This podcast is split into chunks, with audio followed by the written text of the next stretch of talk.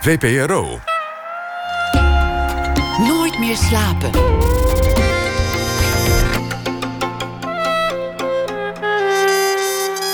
Met Wilfried de Jong.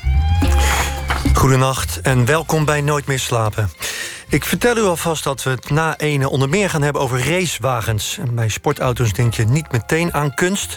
Maar toch heeft het Lauwman Museum in Den Haag een tentoonstelling gewijd aan auto's van het fameuze merk McLaren. Verder praten we over het gevaar van satire met een Syrische cartoonist die zijn land moest ontvluchten. En deel 2 van de serie De Mens en zijn verhaal. Over de kunst van het vertellen van verhalen. En schrijver Alfred Schaffer leest deze week dagelijks een verhaal voor, geïnspireerd door het nieuws van de afgelopen dag. Dat is allemaal na het nieuws van 1 uur. En dit hele uur, dus tot 1 uur, zit tegenover mij fotograaf Teun Voeten. In zijn jeugd in het kalme Noord-Brabant had hij soms genoeg aan een paar vierkante meter in een zelfgebouwde hut. Een leefwereld tussen zelfgebouwde muurtjes, een beetje rotzooien, een beetje spelen, hangen. En toen kwam de vroege liefde voor het fototoestel. Die maakte zijn wereld oneindig veel groter. Teunvoeten ging reizen naar plekken waar het leven uit het lood stond. Sierra Leone, zwervers die ondergrond leefden in New York City... voormalig Joegoslavië, Haiti, Bosnië. Oorlogsgebieden, strijd tussen verschillende volkeren... de eeuwige clash tussen have en have-nots... tussen arm en rijk dus, zwart en wit. Dan heet je al snel oorlogsfotograaf. En ja, dat is Teun Voeten ook, maar hij is meer. Hij studeerde antropologie in Leiden... En hij piekert zich suf over hoe de mensen zich op aarde gedragen en moeten gedragen. En over hoe die wereld zich razendsnel verandert. Zo snel zelfs dat eigenlijk iedereen achter ligt. Inclusief de fotograaf met zijn ouderwetse toestel. Momenteel werkt Teun Voeten aan een proefschrift en aan een film, een documentaire over het extreme drugsgeweld in Mexico. Hij is er al vaak geweest en bracht het leven en de dood hard en ongekuist in beeld. En eind juni schreef hij een stuk in NRC over het gevaar van de islamisering van de samenleving. In Mexico en Syrië is geen sprake meer van een traditioneel gevecht. Er woedt volgens Steunvoeten een hybride oorlog. En dat vraagt, zegt hij, om nieuwe wapens. Goedenavond, Teun. Ja, Mag je heel eventjes uh, corrigeren? graag. Uh, Wees maar lastig. Uh, jij zegt islamisering van de samenleving. Ik bedoel de oorlog tegen de radicale islam. Oké, ja. dat, is een, dat is een verfijning. En islamisering is één van de doeleinden. Ja. Maar niet het enige doeleind en niet het meest waarschijnlijke doeleind.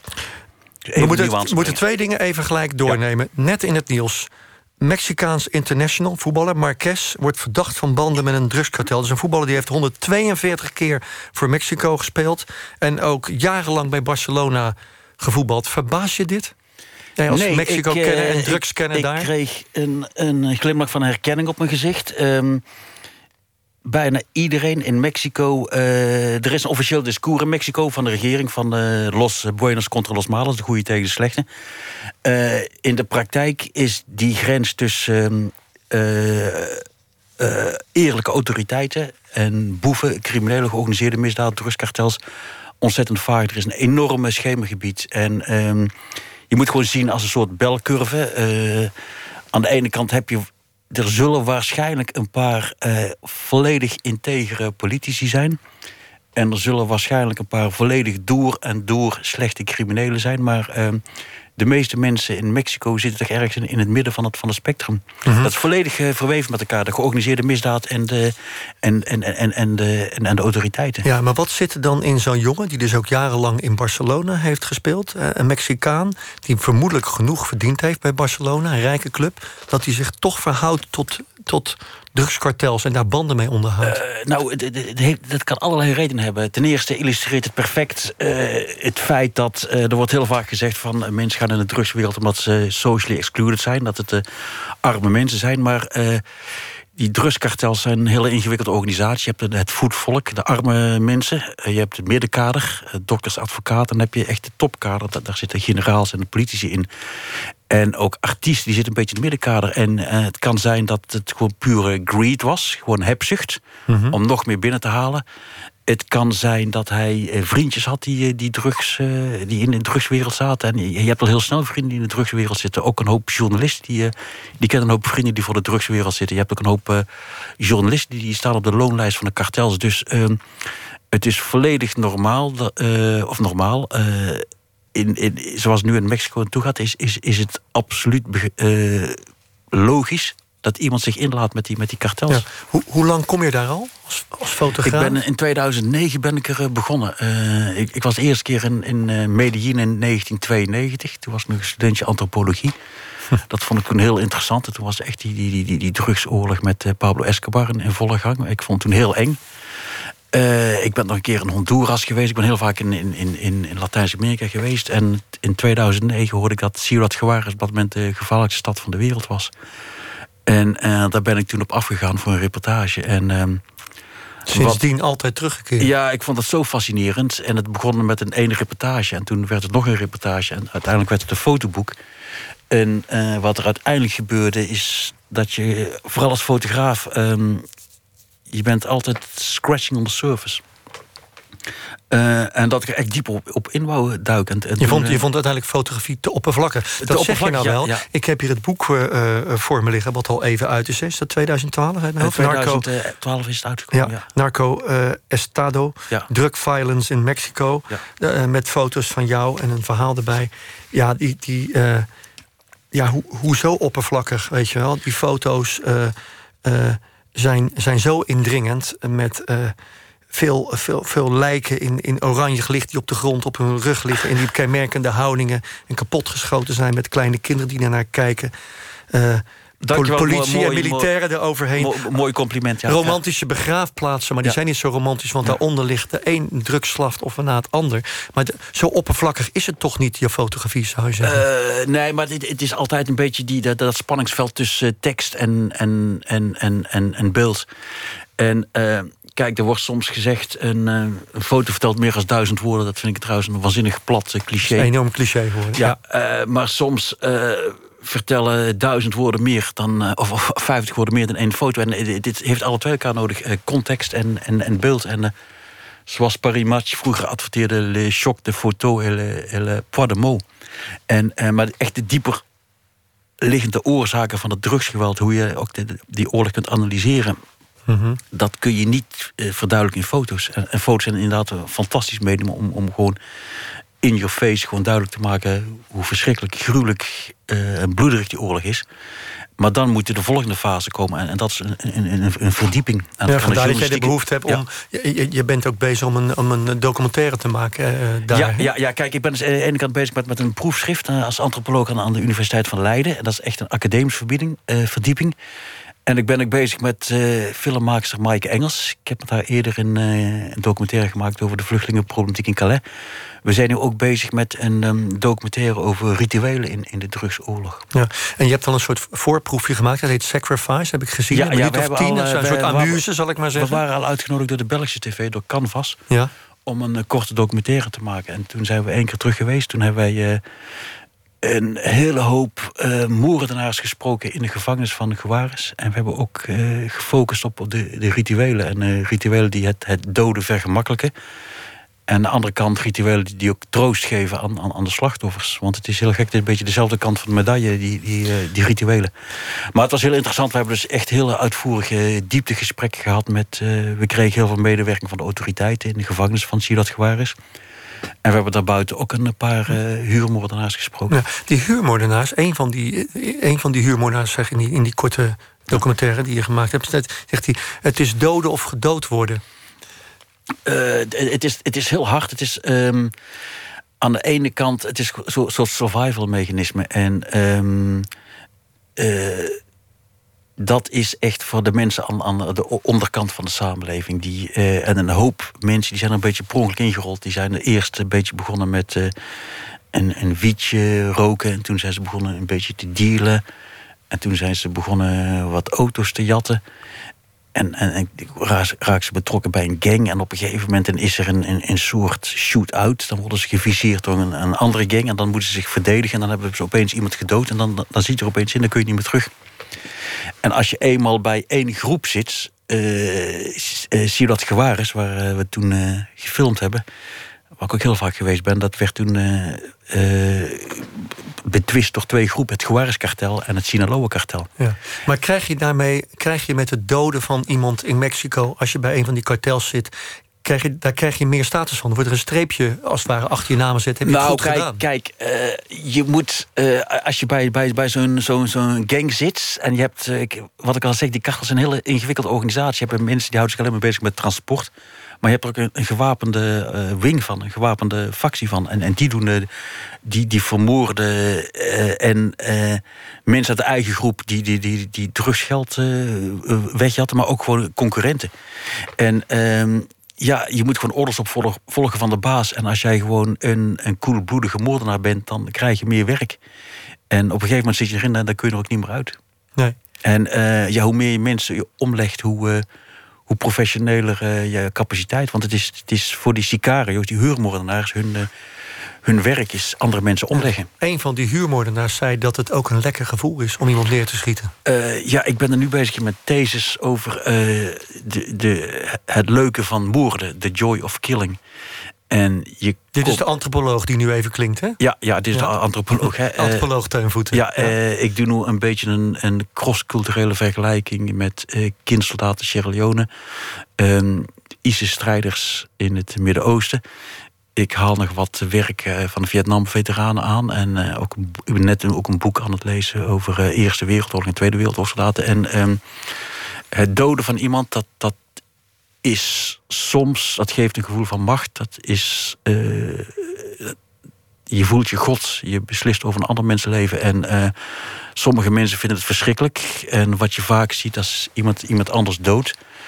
Eh, dat hij eh, ambivalente gevoelens heeft en eh, spijt. Want hij heeft natuurlijk een, een grens overschreden. Het doden van een medemens. Maar aan de andere kant... eh, het is ook iets, iets heel goddelijks, iets heel transcendent. iets, En kennelijk iets- verslavend, want, want sommige, sommige mensen- die gaan daarna weer door. voor sommige mensen werkt het echt verslavend, dat gevoel van macht. En het is fascinerend om te zien hoe dat. ik heb de laatste maanden heb ik alleen maar testimonies gelezen van huurmoordenaars uit, uit Mexico, van kindsoldaten uit Sierra Leone, ISIS-lui en, en films over Vietnam gezien en boeken erover Ja. gelezen. En het, dat zijn structuren die, die zie je heel vaak terugkomen. Je hebt eenmaal iemand gedood eh, en dat geeft zo'n rush. Sommige mensen vergelijken het zelfs met, met een seksuele rush. En eh, dan moet je dat, dat, dat, dat gevoel, dat kun je alleen maar weer terugkrijgen als je iem- iemand anders doodt. En ehm, eh, ja, een van Hoe, kom onze. je, hoe, hoe, hoe, kom je, hoe komt zo iemand uit die cirkel? Nou, eh, waarschijnlijk komt hij uit die cirkel als hij zelf slachtoffer wordt. Om Ja. het gewoon heel hard te zeggen, als hij zelf omgelegd wordt. Ja. En eh, wat een van onze correspondenten, een van onze re- respondenten, hoe je moet, die we geïnterviewd hebben. Er is ook een soort, die gaf het ook eerlijk toe. Mexicaan? Van, ja, ja, Ja. van het, het geeft me een gevoel van macht, maar het duurt me heel eventjes. En, en daarna is het voorbij en dan moet ik weer eh, op zoek naar iets nieuws. Maar hij is nu ook bezig met een soort eh, addiction group, eh, Addictos Anonymous. En je hebt in de, in de, in de gevangenis van Ciudad Juarez, moet je niet lachen, heb ik zo'n soort zelfhulpgroep voor mensen die verslaafd zijn aan, aan, aan, aan doden. Maar Die, die heb je daar. ja, ja, ja. En, en daar, daar hou ik me mee bezig. Maar, ehm Maar dit wederom- is toch een absurde wereld dat het in de gevangenis is? Eh, ja, maar het is, kijk, de wereld is ontzettend absurd. En eh, we kijken, in Nederland zitten wij in een bubbel waarin dat soort dingen niet of nauwelijks voorkomen. Maar eh, ja, de, de wereld, hoe, hoe, hoe vaker ik heb rondgekeken, hoe, hoe meer gekke dingen je ziet. En ik denk dat Mexico toch wel een, een soort, spijt me om te zeggen, een soort laboratorium van de, van de toekomst is. Want? Eh, een hele extreme ongelijkheid, een, een volledig corrupte samenleving, eh, autoriteiten die eh, naadloos overgaan in criminaliteit en gewoon een democratisering van het geweld. En eh, democratisering, in Nederland vinden mensen dat een mooi woord, democratisering, maar ik vind democratisering een neutrale term als. mensen zich in de steek gelaten voelen worden door de staat, dan krijg je een soort participatiemaatschappij-idee. Dan krijg je zelfverdedigingsmilities. Eh, als mensen niet genoeg verdienen, dan, dan, dan, ze het, dan jatsen het, dan leggen ze andere mensen overheen. Als mensen geen werk hebben, dan, dan creëren ze werk. D- drugs, drugssmokkel. en ehm, Ja, maar Teun, zeg jij nou eigenlijk dat met jouw enorme focus op Mexico als fotograaf en antropoloog al jarenlang, ehm, dat dat eigenlijk een soort voorbeeld is van hoe, ik, eh, ik hoe, denk- hoe de wereld zou kunnen worden of al is? Eh, ja, ja, nou moet ik zeggen, heeft, eh, is Latijns-Amerika is, is van nature al gekenmerkt door een enorme ongelijkheid. Dat heeft ook in en, en, en jarenlange, eeuwenlange burgeroorlog. Dus dat, eh, geweld is daar iets, iets, iets meer endemisch. Dat, is verschil met, met, met, met Europa. Hoewel wij natuurlijk in Europa natuurlijk ook wel onze bloedige oorlogs hebben gehad. Maar ik denk dat je een, een, een, een heel onmenselijk neoliberaal systeem hebt. Uh, een mensheid die een beetje doordraait en die niet weet waar ze mee bezig is. En dat mhm. je op een gegeven moment krijgt gewoon een, een klasse van buitengeslotenen die, eh, die steeds groter wordt. En die, uh, die willen ook een, een deel van de, van, van de bout. En maar op een gegeven moment. ja, ga door. Ja, op een gegeven moment dan, dan, dan heb je dus bijvoorbeeld. Uh, die mensen kunnen niet meer in de legale economie. En, en dat gaat dan in, in, in de illegale economie. En, en de illegale economie, dat is uh, drugstrafiek, dat is uh, vrouwenhandel, mensensmokkel.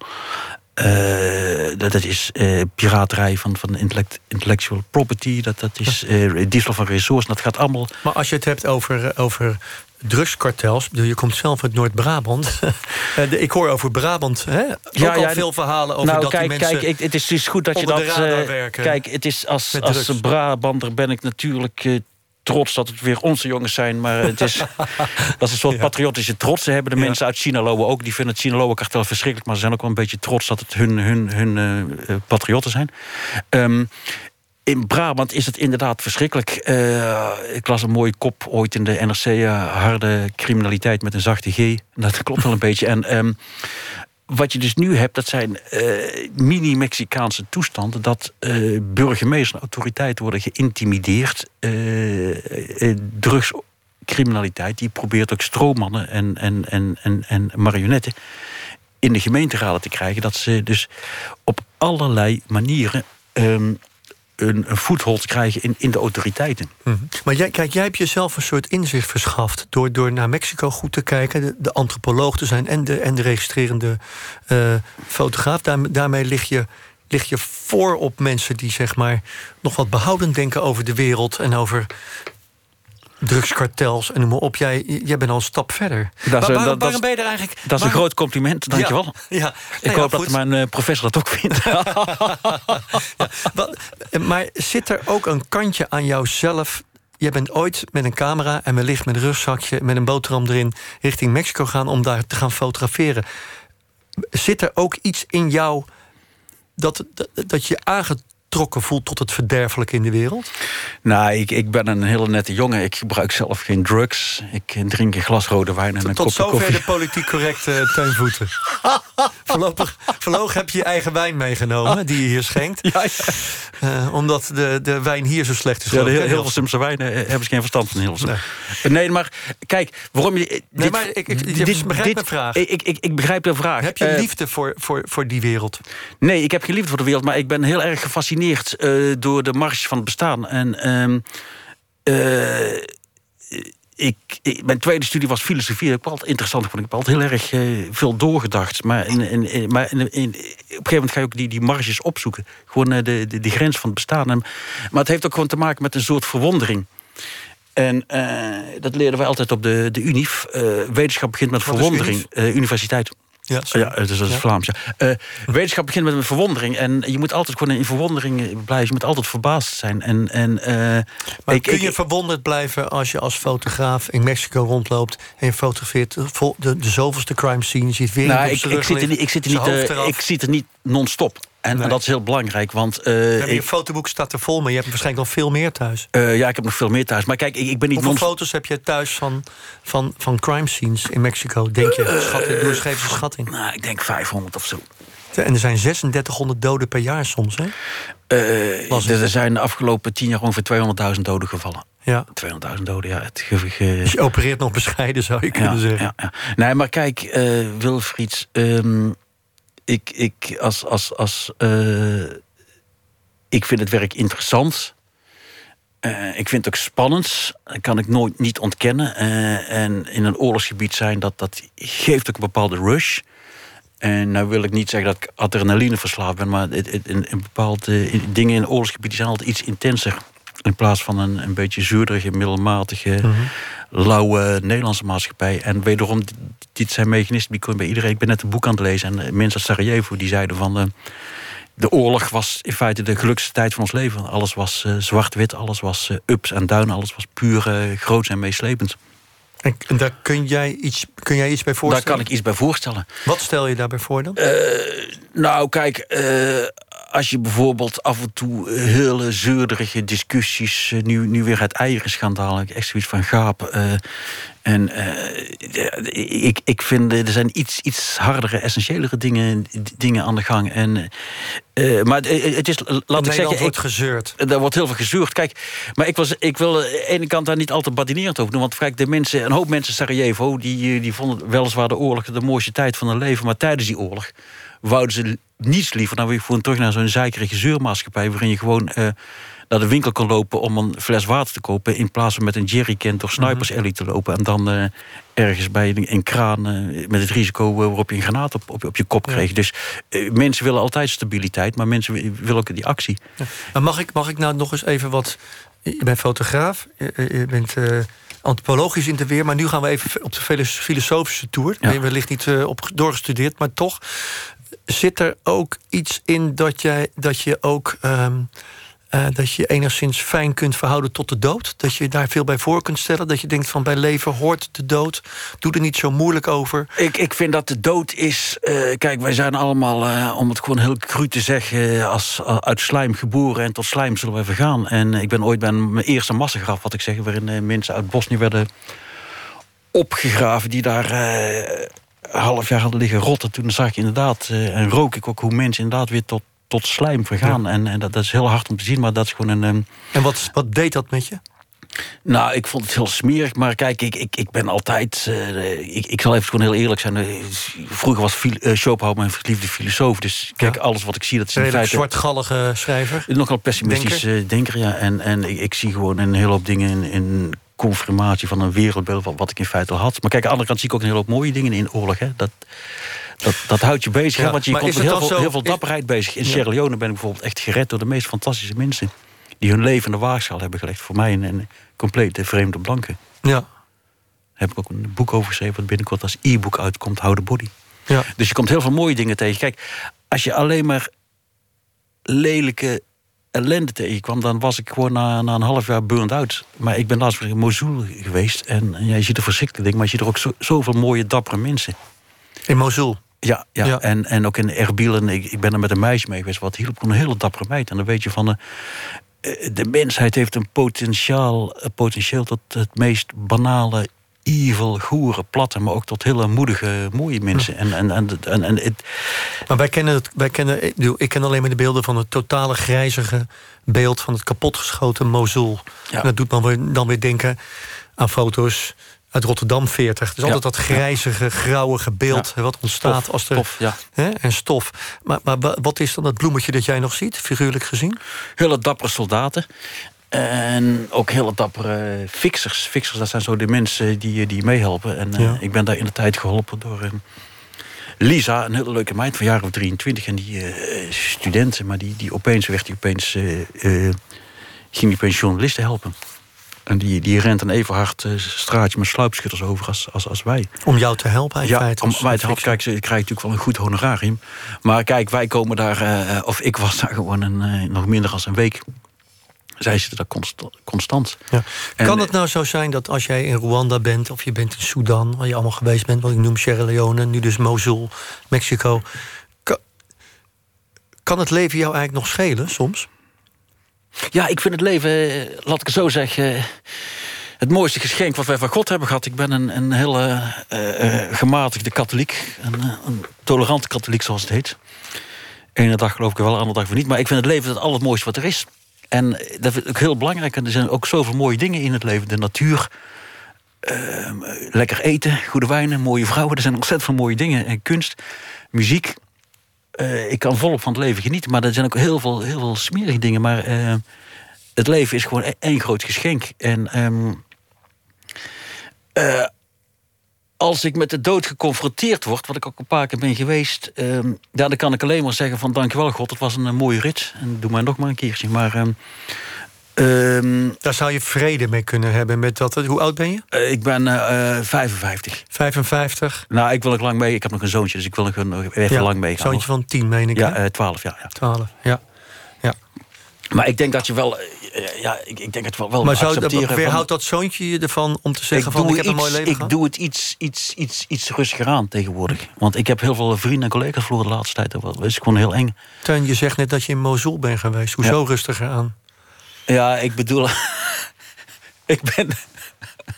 ik ben er maar drie dagen of vier dagen geweest. Hè. Ik Ja. ben er niet... Kijk, maar ik een heb uurtje mensen... lijkt me daar genoeg om ja, ja, nee, maar, gesteld te ja, worden. nee, maar kijk, dit is statistiek. Als je daar drie dagen bent, is, in plaats van eh, drie maanden... Ik heb mensen die zitten er drie maanden, een Nederlandse fotograaf... ik ben even haar naam vergeten, eh, die zitten drie maanden... en dan loop je dertig keer meer kans. Dat is een beetje simpele statistiek.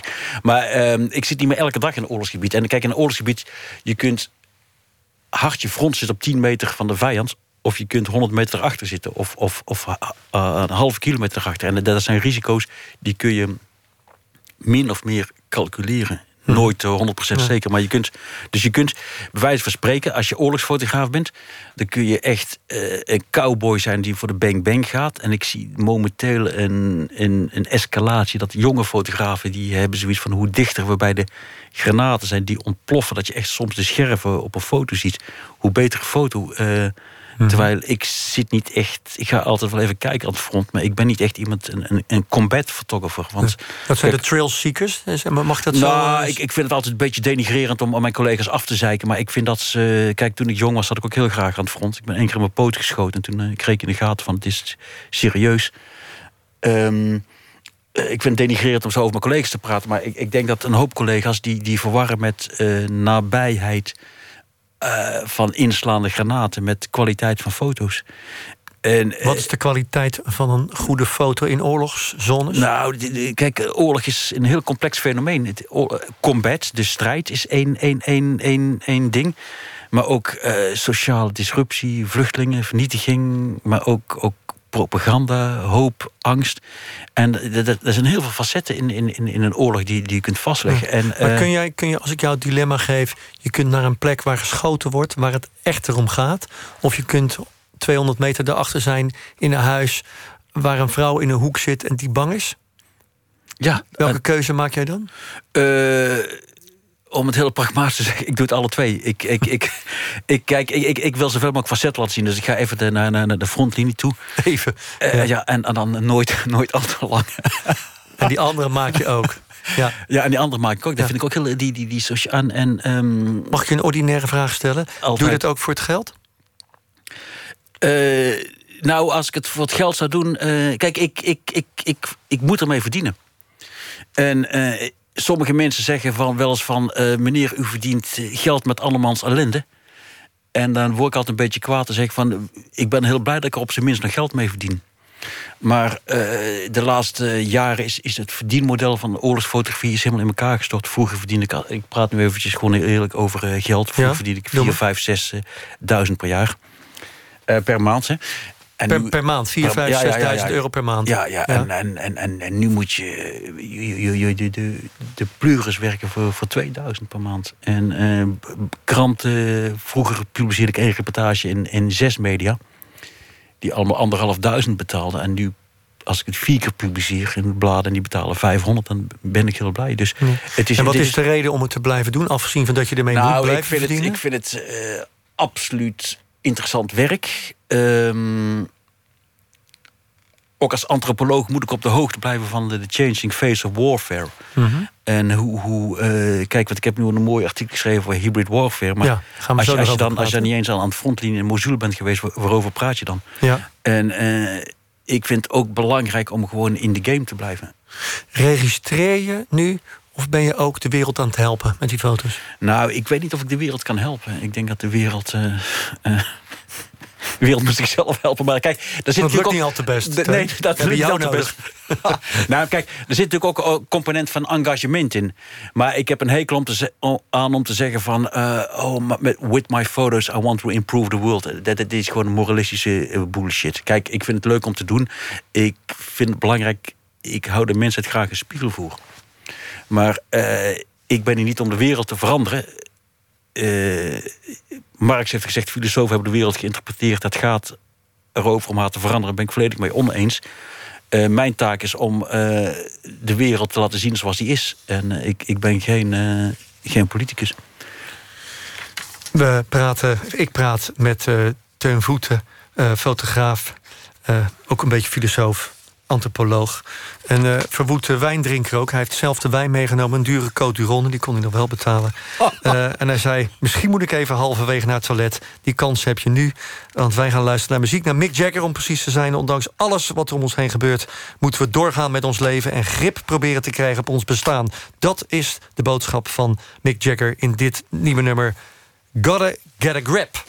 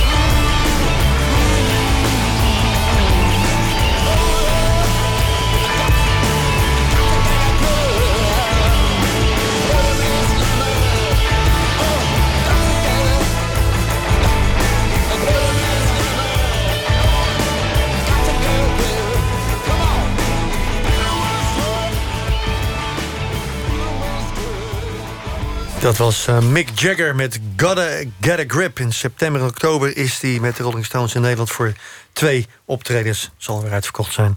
Tegenover mij zit oorlogsfotograaf, uh, antropoloog Teun Voeten... die op dit moment promoveert op drugsgeweld in Mexico. Inmiddels al zoveel oorlogen heeft gezien... dat hij er ook wel wat over mag zeggen.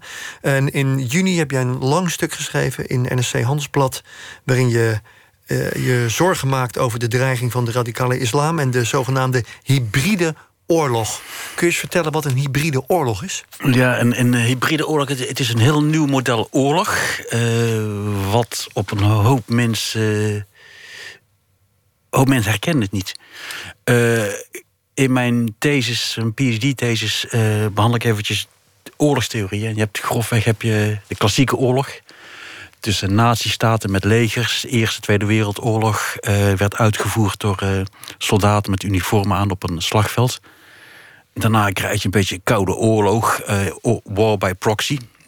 Dat de Sovjet-Unie steunt rebellen, USA steunt kapitalistische regime of andersom. Ja.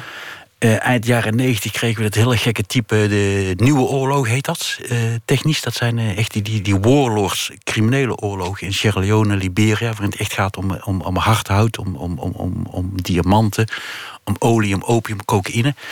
En wat je dus nu hebt, is een, een oorlog, hybride, dat betekent gemengd... waarin alle tactieken, alle methodes, alles door elkaar loopt, waarin niets, geen enkele wetmatigheid meer heeft.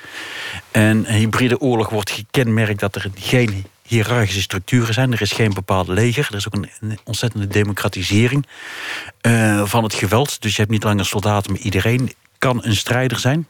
Ja. Dus, dus heel even eh, wat, wat Trump eh, afgelopen nacht zei tegen Noord-Korea is eigenlijk heel ouderwets. Eh, dat is een hele ouderwetse oorlog. Ja, en ik weet niet of dat goed of slecht is, maar dat, dat is gewoon een oorlog tussen, tussen twee nazistaten. Ja, met dat, twee, dat, ja. dat, dat heeft niks met de hybride oorlog. Nee, heeft niets met die. ga door. Ja, kijk, en, en eh, wat, wat ook heel, heel belangrijk is, eh, het, het, het, het, het verschil tussen eh, combatants en civilians eh, wordt heel vaak tussen, tussen strijders en burgers. Ehm, burgers kunnen strijders zijn, maar die kunnen ook doelwitten zijn. Ehm, en wat ook heel gek is, je hebt geen strakke hi- hiërarchische verticale structuur, maar netwerkstructuren. Je hebt cellen. Je hebt ook geen centraal commando. Ehm, en wat ook heel typisch is aan die oorlogen is, ze hebben niet een eenduidig doel. Eh, de klassieke oorlog werd gekenmerkt, de grote eh, theoreticus van de klassieke oorlog is eh, diplomaat en krijgsdeskundige von der Clausewitz. Die zei, eh, oorlog is diplomatie met andere middelen. En bijvoorbeeld heel typisch is bijvoorbeeld de, de Golfoorlog 1. Eh, Saddam had Kuwait binnengevallen. De internationale gemeenschap zegt van dat is niet netjes om een land als provincie in te lij- lijven. Kunt u daaruit terugtrekken? Diplomatie werkte niet. Toen is er een oorlog gekomen. Nou, toen is Saddam eh, verdwenen en eh, weg uit Kuwait geslagen. En toen was die oorlog af, afgelopen, diplomatieke doel bereikt. In die hybride oorlog is er geen eenduidig doel. Eh, de Mexicaanse oorlog is een, is, is een, een, een drugsoorlog, is een soort hybride oorlog. Het is ook een kruising tussen terrorisme, insurgentie, rebellie, criminaliteit. Het loopt allemaal door elkaar heen. En, eh, maar de meest typische voorbeeld is natuurlijk de, de oorlog die we nu hebben met, met ISIS, met de Islamic State. En het bizarste is, een hoop mensen zeggen: Oh, wij zijn niet in oorlog. Maar één partij heeft de oorlog uitgeroepen. ISIS heeft al een paar keer heel duidelijk eh, in documenten, in programma's, in video's, in hun, hun, hun, hun, hun propagandablaadjes gewoon de oorlog tegen het, het Westen uitgeroepen. Dus ehm, als wij die oorlogsverklaring niet accepteren, betekent nog niet dat we niet in oorlog zijn. Kijk, vroeger was het heel duidelijk dan. eh, in, in, eh, ging er een diplomaat met een ge- verzegelde envelop naar eh, de andere partij. En van ik kom bij deze u de officiële oorlogsverklaring afleveren. Nou, en dan was het oorlog. Die werd uitgevochten op het slagveld. Napoleon, eh, Waterloo en één partij werd in de pand gehakt. Oorlog afgelopen, wapenstilstand. Hybride oorlogen, die, die ook die, die staat tussen oorlog en vrede wordt gewoon heel vaag. En dat is een hele andere manier van denken eh, die de, waar de, van de mensen niet, niet gewend zijn. Want er wordt vaak gezegd van de generaals vechten de laatste oorlog, maar het publiek vecht, denkt ook alleen maar in de laatste oorlog. En aan oorlog denken mensen aan, aan Tweede Wereldoorlog, bommenwerpers, Dus tankslagen. jij, jij, zegt van, eh, van laten we niet doen alsof we niet in oorlog zijn met IS. We zijn in oorlog met IS en we maken we het zijn, dagelijks in, mee. we zijn in oorlog met IS, maar kijk, het is een globale oorlog. En ik vind het ook heel provinciaals om te zeggen... wij zijn niet in oorlog, want er ontploffen geen bommen. Globaal bedoel je eh, mondiaal? Mondiaal, ja. ja. Ik vind het heel provinciaal om te zeggen... wij zijn niet in oorlog, omdat er in Nederland toevallig geen bommen ontploffen. Ik, ik, ik woon half in België, half in Frankrijk. Er zijn wel bommen ontploft. Maar eh een van de actieve frontlinies is in, in Mosul en Raqqa. En hier heb je een, een heel ander, heel ander eh, type frontlinie. Hier heb je geen frontlinies, maar hier heb je individuele acties van. Ja. dus, dus, maar wat, wat, ook, wat ook heel typisch is, eh, een hybride oorlog heeft geen, geen eenduidig doel. Het is niet zo dat IS zegt wij willen heel, heel het Westen veroveren. Er zijn sommige elementen in ISIS die zeggen wij willen het Westen veroveren, het Westen islamitiseren. Ehm, alle kafirs bekeren of vermoorden. Dat is één factie, maar er zijn ook, ook groepen in ISIS die zeggen van... eh, als wij ons islamitisch staatje hebben, ons kalifaatje... dan zijn we heel blij. prima, Ja. ja. en er zijn ook mensen... Ook, ook, ook al die motivaties van al die mensen verschillen. Je hebt dus eh, Ja. Maar waar leidt, waar, waar, ik snap deze constatering, ik kan er ook heel erg in mee. Maar eh, als, je, als je oplossingsgericht zou willen zijn, wat, hoe moet je dan te werk gaan als land? Als Nou, je, je, moet, je moet wederom... ook heel typisch van hybride oorlog is... je kunt overwinning die moet je ook op een andere manier definiëren.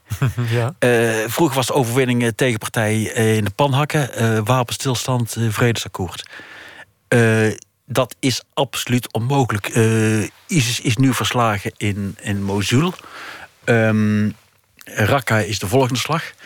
Maar daarna komen een hoop van die, die jongens terug, die komen hier terug. En ehm, ISIS is ook, en wederom, ISIS is geen entiteit. Het is, het is, aan de ene kant is het een, een politieke groep met een eh, structuur, maar het is ook een idee, het is een concept.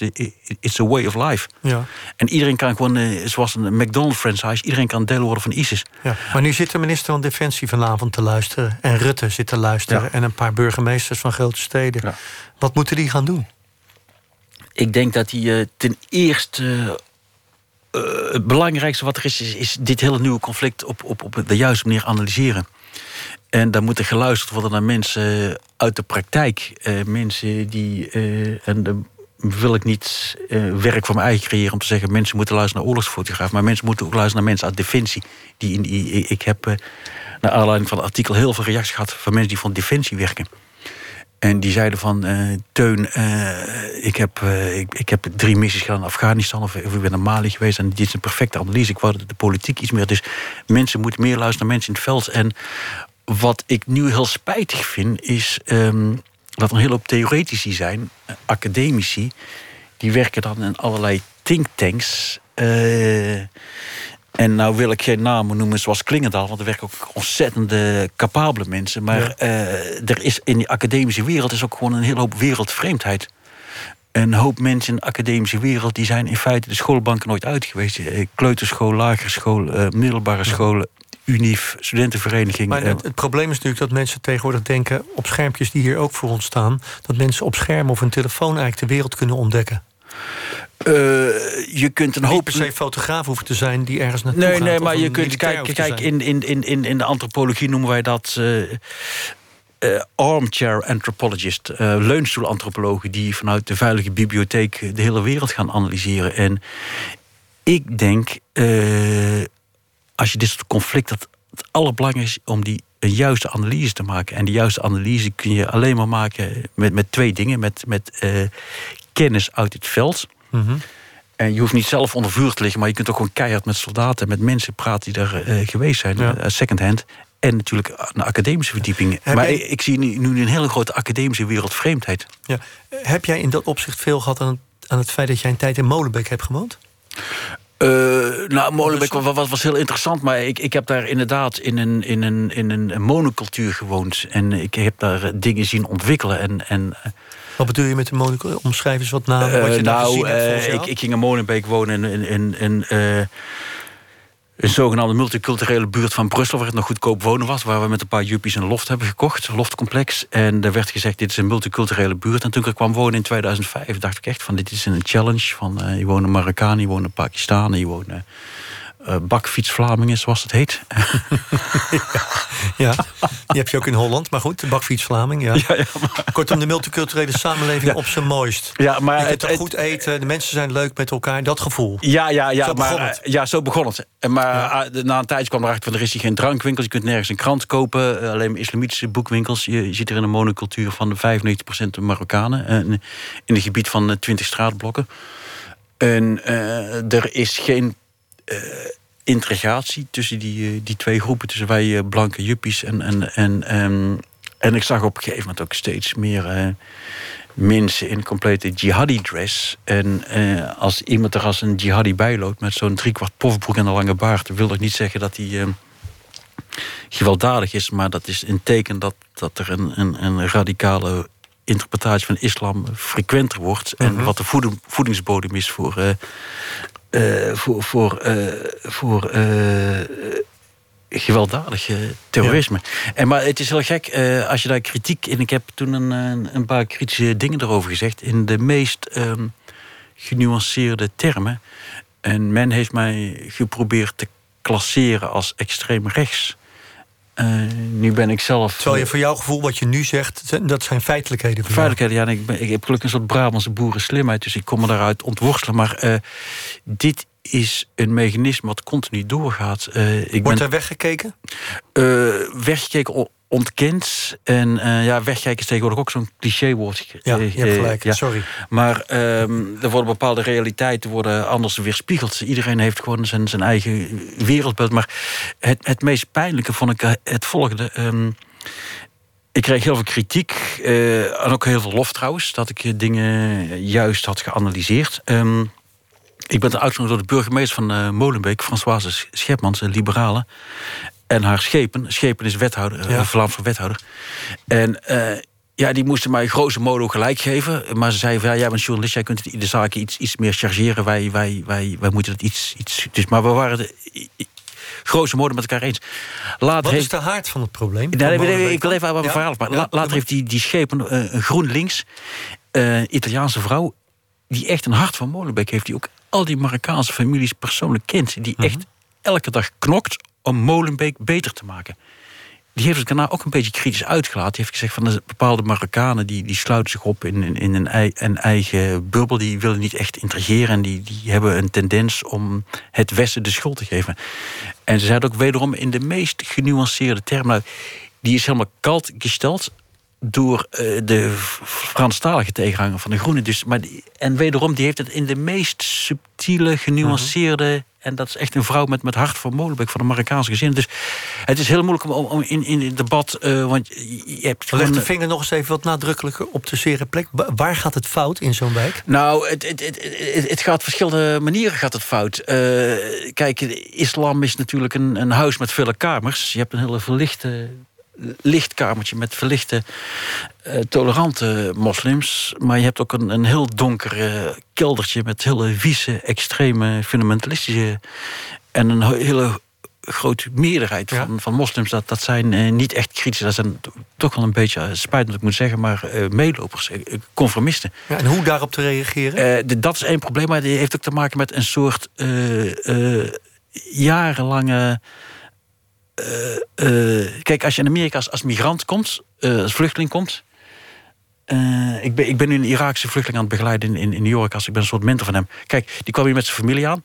Die, die, IM, de International Organization of Migration, die komen in Amerika aan. en die krijgen een huis.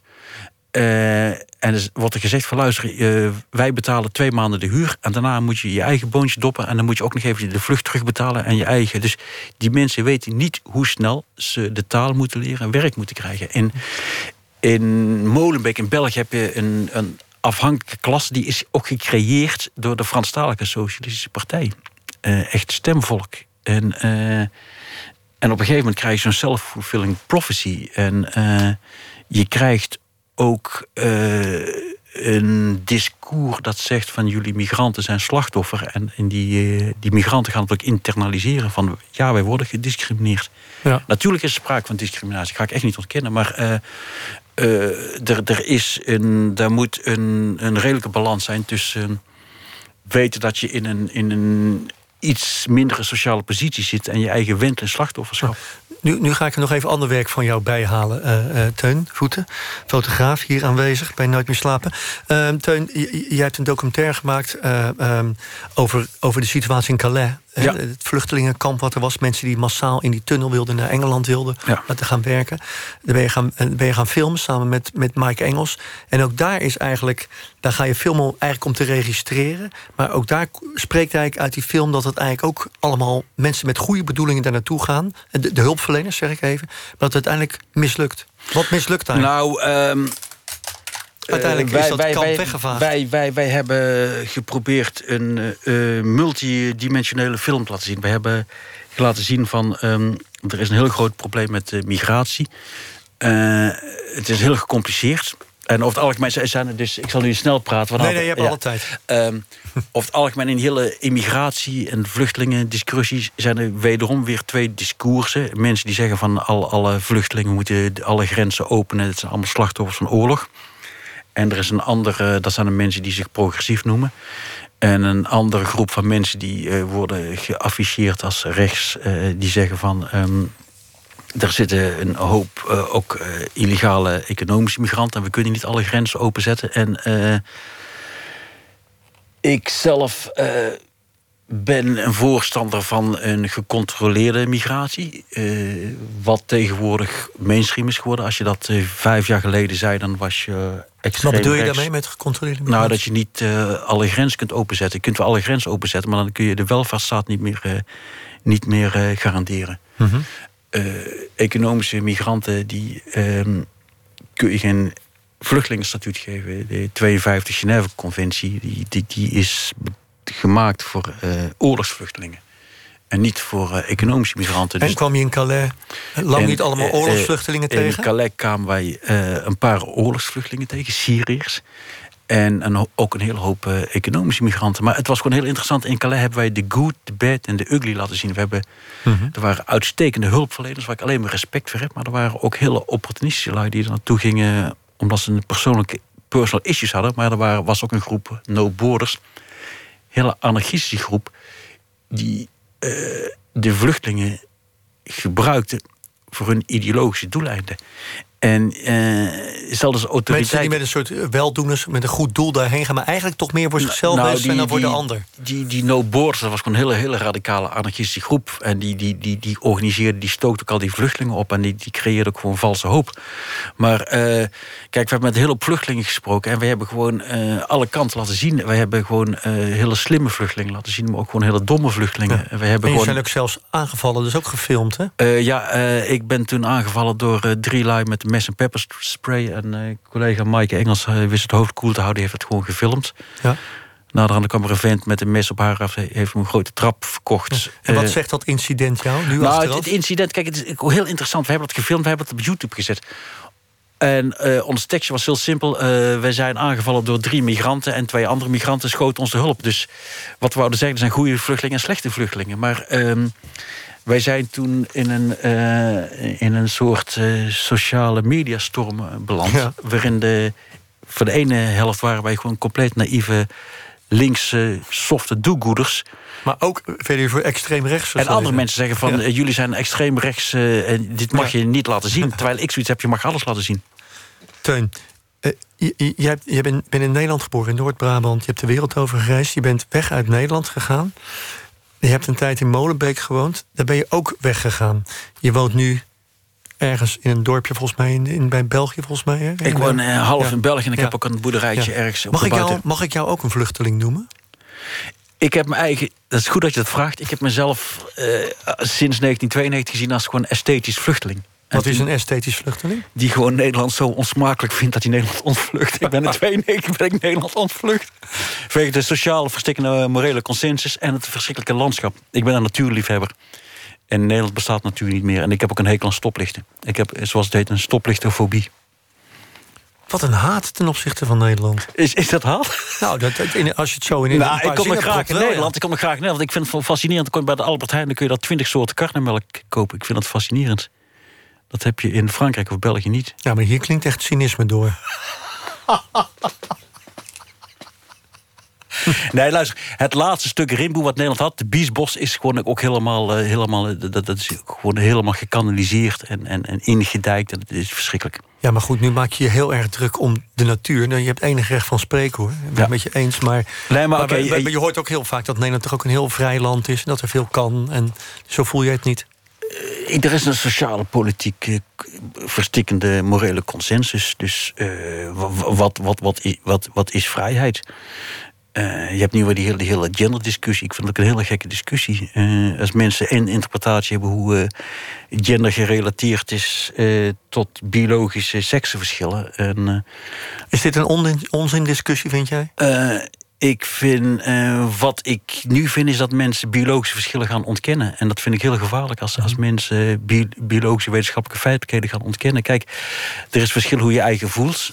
Uh, maar om te ontkennen dat er biologische verschillen zijn, dan kom je op, op heel, hele gevaarlijke dingen terecht. En uh, het heeft ook een hele, hele moralistische component. En, en Nederland mhm is en blijft toch wel een soort domineesvolkje. En dat zie je ook nu weer in die, in die hele discussie. Maar goed, je ontsnapt eraan. En die hele, het gedoe met de eieren en de kip... dat interesseert je eigenlijk ook al niet. Nou, mijn vader, is, mijn vader is veearts, dus die, die maakt zich erg... die is in feite pluimveedeskundige, dus die maakt zich daar wel druk over. Oké, ja, maar goed, jij minder.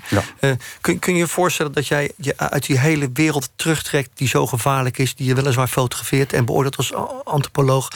En dat je een eenzaam bestaan gaat leiden... waardoor je in je, in je natuur, je natuurlijke nee, habitat kijk, kunt ik, zitten... Ik, met je zoon van 12 ik zit, af en toe in, ik zit af en toe in de natuur en dan zie ik drie dagen niemand. Dan ben ik alleen maar bezig met de bomen planten... en af en toe een boom omzagen. Uh, maar ik heb ook gewoon absoluut interactie nodig met andere mensen. En, en uh, ik, ik wil ook geen kluisenaar worden, want dan, dan word je zo'n soort... Uh, hoe heet die man, de, de Unabomber, die ergens in een hutje woont in uh, wordt die, die staat uh, in het noordwesten van Amerika. Dan word je zo'n gekke kluisnaar, hè? krijg je cabin fever. Nee, ik vind het heel belangrijk. Ik heb gewoon uh, af en toe behoefte aan rust, aan stilte en natuur... maar ik, ik sta heel graag midden in het leven. En ik, ik, ik, ik discussieer altijd graag met een hele hoop mensen. En ik vind het altijd heel belangrijk dat wat ik te zeggen heb... ook altijd gechallenged, uitgedaagd wordt. Dus ik, ik stel elke discussie altijd heel erg op prijs. Ja. Hoeveel wijntjes heb je op? Ik heb nu uh, denk ik twee glazen op. Ja. Ga je naar huis rijden nu?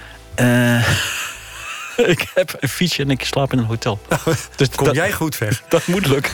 Dankjewel voor je komst. Uh, ik sprak met Teun Voeten, fotograaf, antropoloog. Straks na het nieuws gaan we nog een uur door...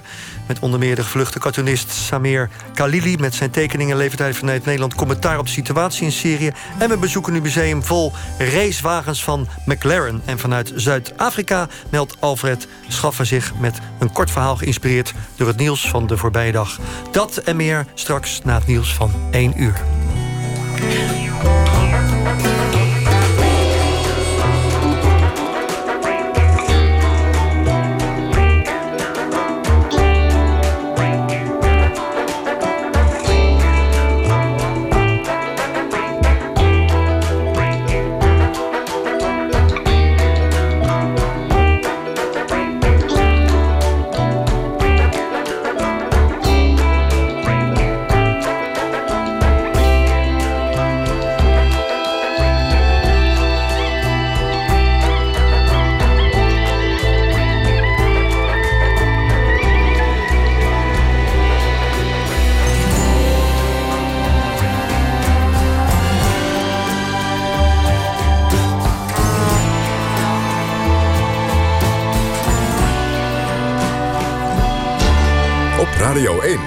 Nieuws van alle kanten.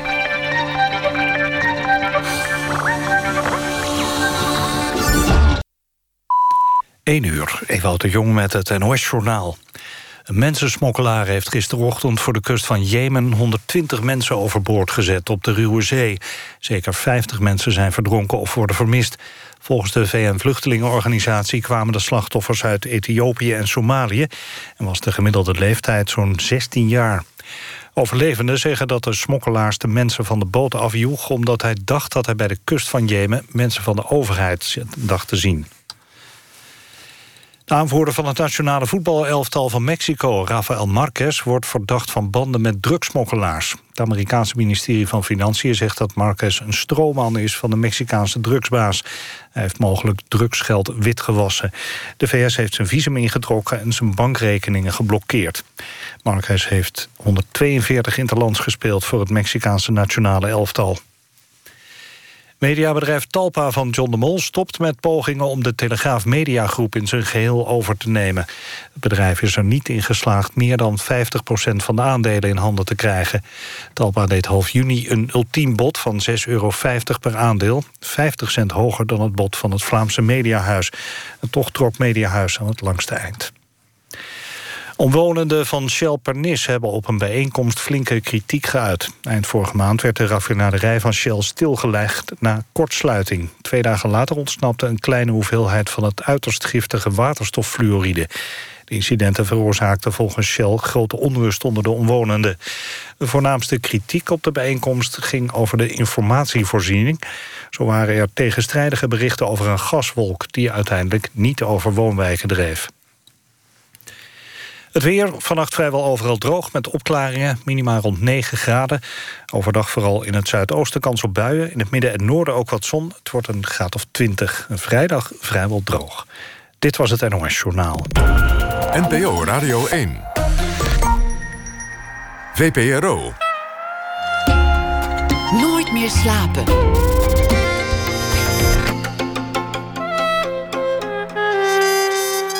Met Wilfried de Jong. Goedenacht, welkom terug bij Nooit meer slapen.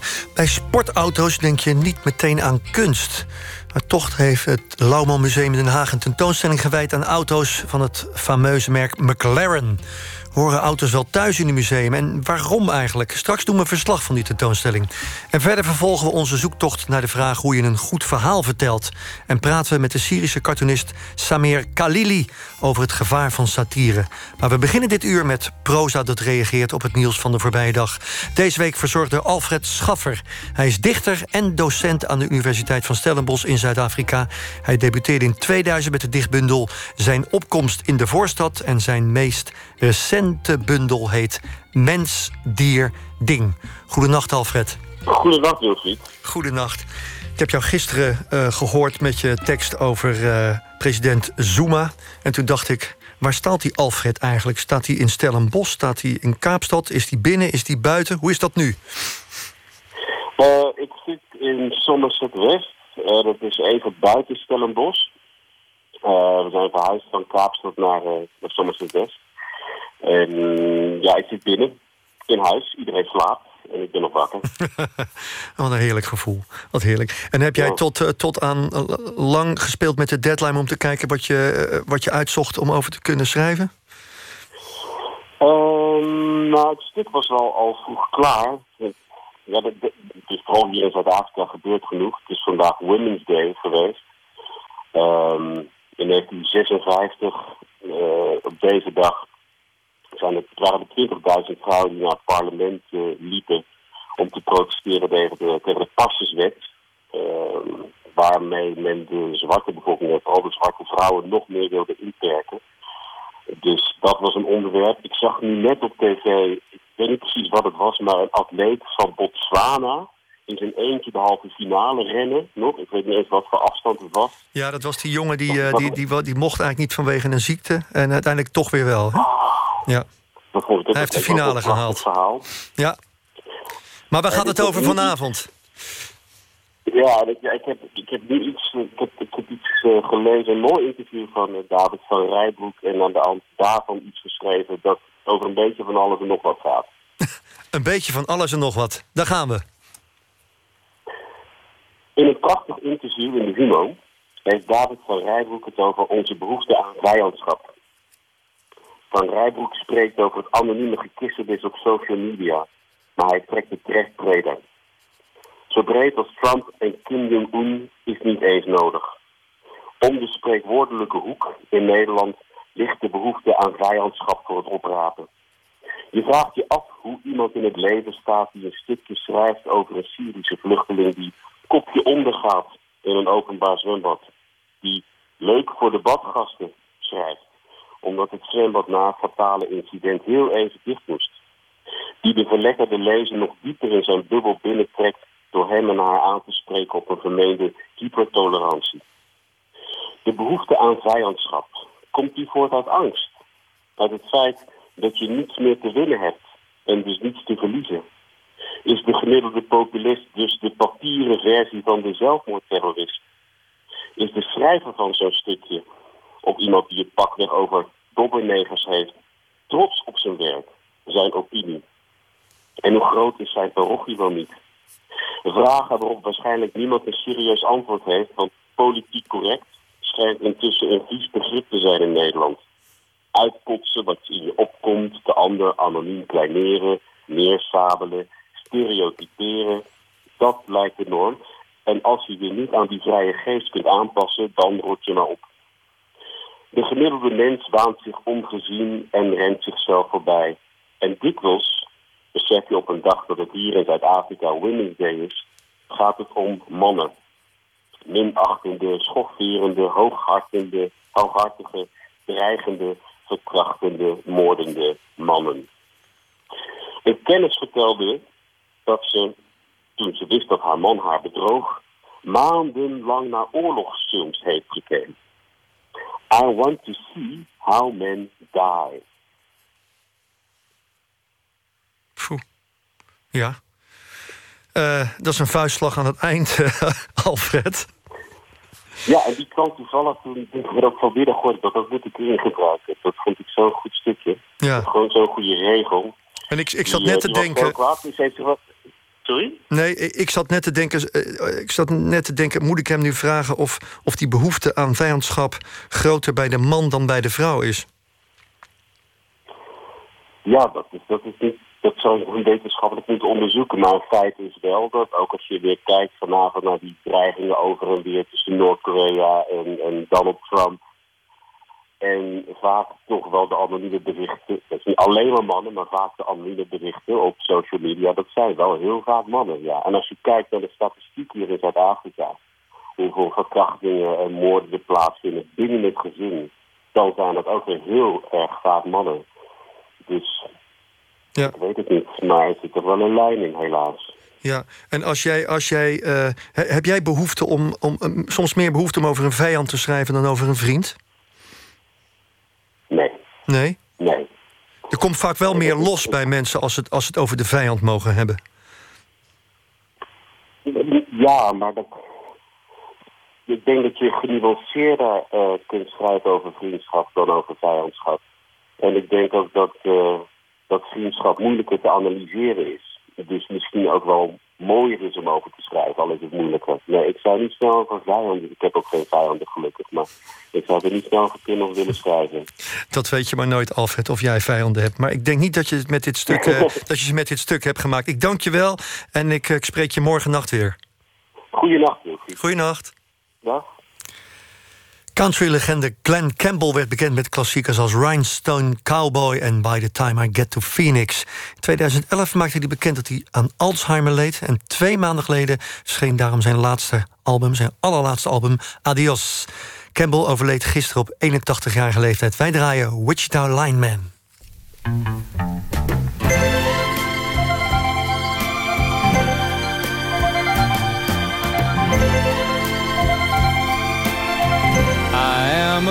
Lineman for the county,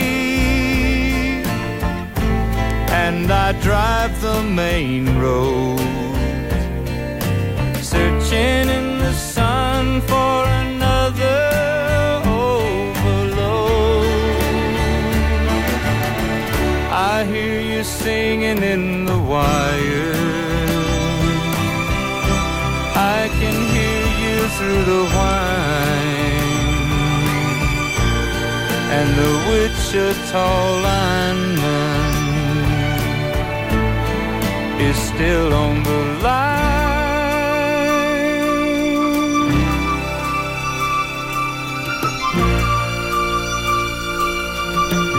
I know I need a small vacation, but it don't look like rain. And if it snows, that stretch down south won't ever stand the strain. And I need you more than want you. And I want you for all time.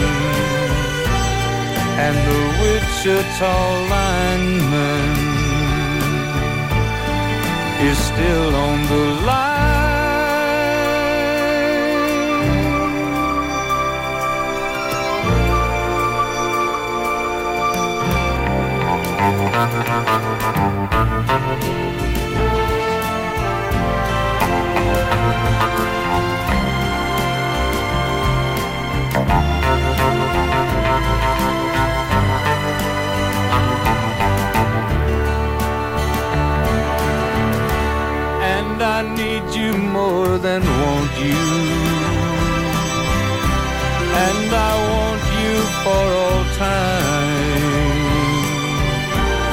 And the Wichita lineman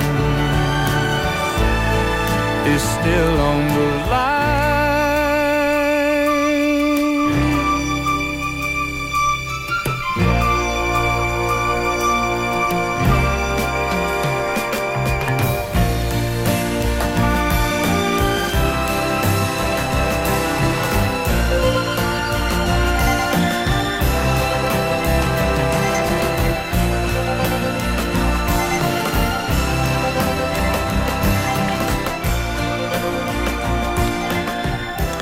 Wichita Lineman hoorde u van de gisteren overleden countryzanger Glenn Campbell.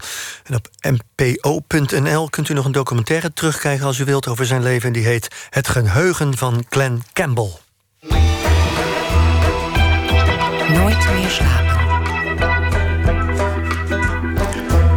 In het Lauwman Museum in Den Haag is een tentoonstelling over de auto's van de Britse McLaren te zien. Er worden exclusieve ra- race- en sportwagens getoond, waaronder de legendarische Formule 1 en Formule 1 wagens van Mika Häkkinen en Lewis Hamilton.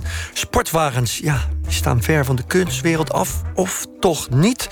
Verslaggever Botte Jellema zocht het uit. Ik maak een enorme faux pas bij importeur Lauman Exclusive... waar ik naartoe ben gegaan om meer te weten te komen over de McLaren. Deze golvende showroom met chique auto's ken ik tot nu toe alleen van buiten. Je ziet het gebouw in de geluidswal van de A2 bij Utrecht. Ik wil graag het geluid opnemen van een McLaren om te gebruiken in deze reportage. Dat is niet de bedoeling, zo legt directeur Arjen van Beek mij uit. Want de auto's die hier staan zijn koud. Nee, dat geluid moet ik even van internet halen. Dan hoor je de warme auto's. Dus bij deze.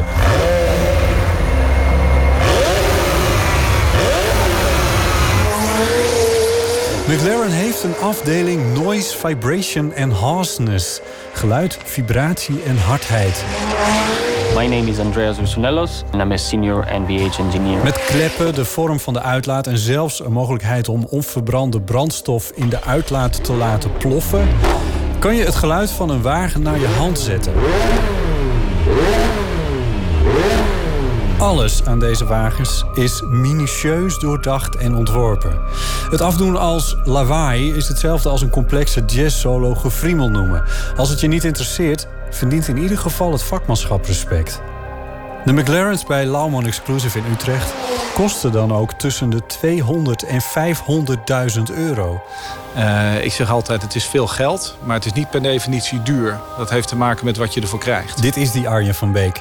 Straks nog wat meer over die bedragen, want er is de laatste jaren iets geks aan de hand in de autowereld. Dat sterk lijkt op wat er in de kunstwereld gebeurt. Sportwagens met verbrandingsmotoren. Sommigen vinden dat dit soort auto's in musea horen, omdat we nu in het tijdperk van de elektrische auto zijn. Anderen vinden dat ze er een plek verdienen vanwege het beeldschone ontwerp van dit soort auto's. Zoals journalist, NRC-columnist en muzikoloog Bas van Putten. Twee weken geleden was ik in Italië, Villa d'Este, het um, oldtimer concours in de buurt van Como. En daar werd een nieuwe BMW-concept uh, gepresenteerd, de 8 uh, series. Maar uh, die wordt dan niet gepresenteerd door de CEO, maar door de designchef, Adriaan van Hooijdonk. En Adriaan van Hooijdonk staat daar. Een soort Steve Jobs die op een staan podium. daar, Die staan daar, die ontwerpers staan daar als personalities, als media personalities. Ze worden ook goed getraind, al heeft Adriaan dat niet nodig. Staan daar zeer nadrukkelijk in het middelpunt. Hè? Als scheppers van kijk, wij hebben dit gemaakt. Bij McLaren is de huisontwerper Frank Stevenson. Er is een complete Wikipedia-pagina over hem, in vier talen. Op de site legt hij in een gepolijst filmpje uit wat zijn filosofie is. The philosophy of everything for a reason is something that started with the F1 and has gone right through to P1 and beyond. Everything for a reason. Oftewel, vorm volgt functie. Nou zeggen alle ontwerpers bij ons form follows function. Maar um, als je naar veel merken kijkt, dan zie je dat dat dat principe eigenlijk al lang is verlaten. Maar niet bij McLaren. En, en doen de Britten dat misschien ook wat meer dan de Italianen dat doen?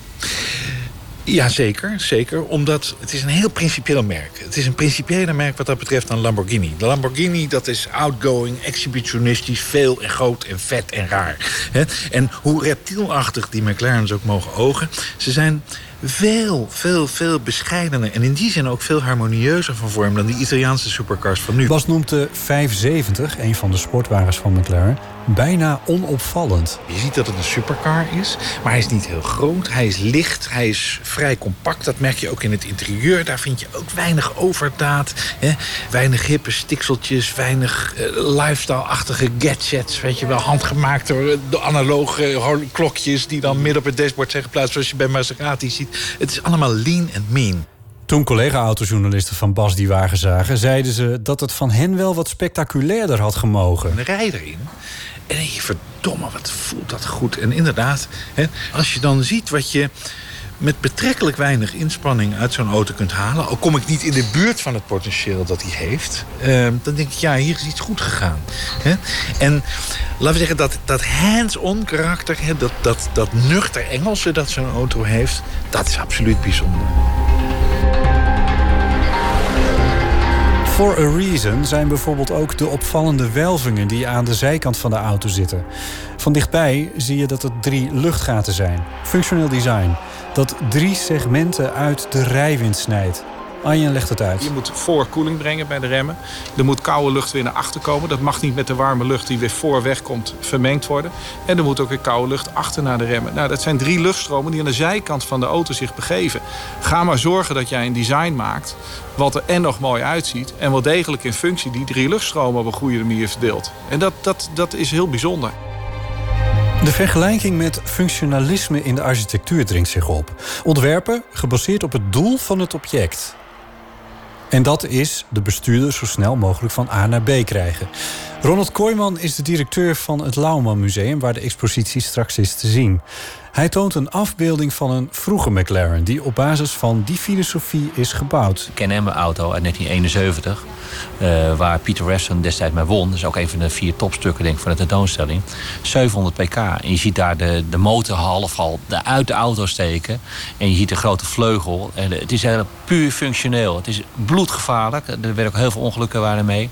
Uh, Danny Hulme en uh, Bruce McLaren... die reden daar de jaar daarvoor ook met een dergelijke auto. En Bruce McLaren is overleden. En, en Danny Hulme uiteindelijk ook. Peter Weston overigens ook. Bruce McLaren, de oprichter verongelukte in een van zijn Can-Am-auto's op 32-jarige leeftijd. Dus het, het, was heel gevaarlijk. Die waren gewoon overpowered, die, die auto's. Het is puur functioneel. Er was niks met design met deze auto's. Het was alleen een schil om de motor heen bijna. Aan het doel is tegenwoordig dus iets toegevoegd. De bestuurders zo snel mogelijk van A naar B krijgen... in leven en welzijn. Sommige auto's hebben nog een doel.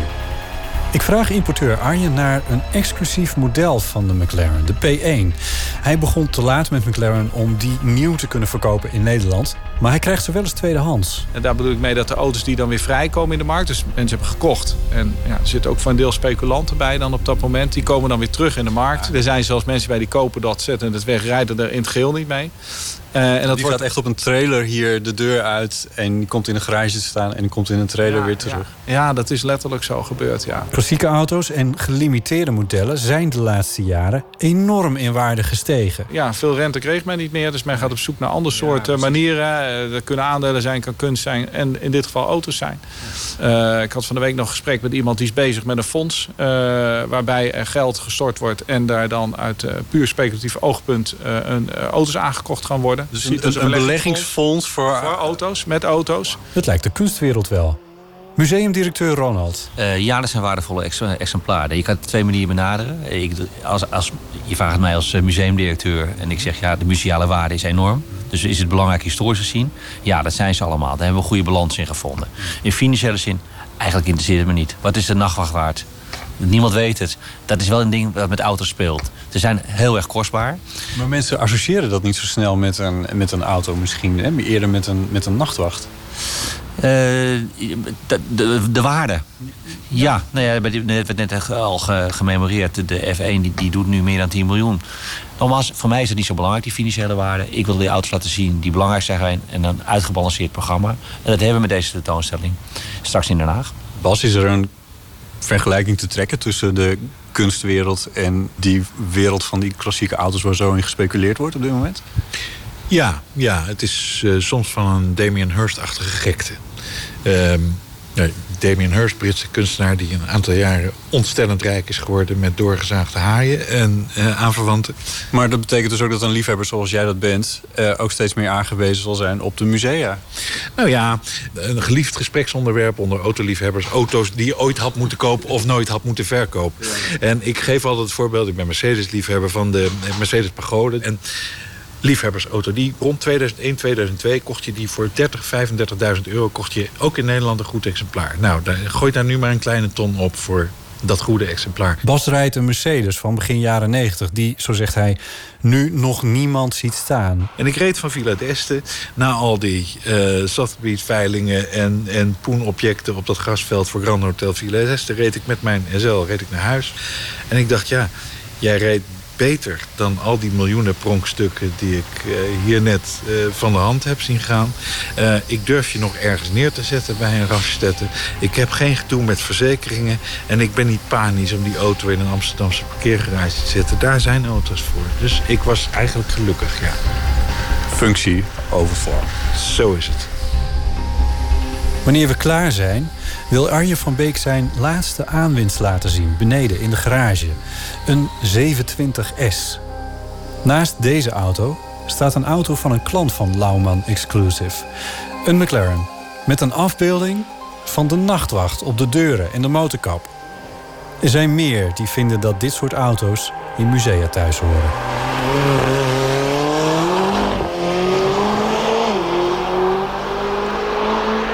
En de sportwagens en de Formule 1-auto's van McLaren zijn nog tot 27 augustus te zien in het Lauman Museum in Den Haag. Ben Gibbard is de zanger van de Amerikaanse indie-rockband Dead, for, Cap for Cutie. Al jarenlang is Gibbard verslingend aan de muziek van de Schotse rockband Teenage Fanclub. En daarom besloot hij hun muziek te coveren, zoals dit nummer, The Concept. She wears denim wherever she goes. Says she's gonna get some records by the status quo. Oh, yeah. Oh, yeah. Still, she won't be forced against her will. Says she don't do drugs, but she does the pill. Oh,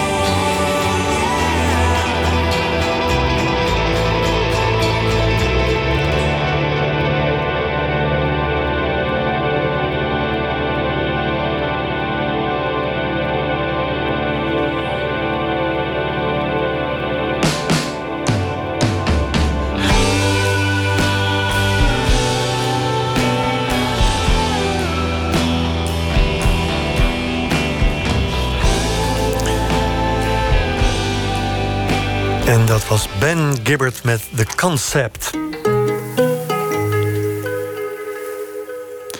Dat cartoontekenaars geen ongevaarlijk beroep hebben is inmiddels pijnlijk duidelijk. Ook in Syrië is het beroep van cartoonist al jaren levensgevaarlijk. Samir Khalili was zo'n cartoonist in Syrië. Drie jaar geleden ontvluchtte hij zijn land... en nu levert hij vanuit Nederland met zijn tekeningen... commentaar op de situatie daar. Zijn werk is gebundeld, samen met dat van vele andere Syrische en Nederlandse tekenaars... in het boek Cartooning Syria... Stef Visjager ging met Ronald Bos, de initiator van een tentoonstelling over Syrische cartoons, op bezoek bij Khalidi.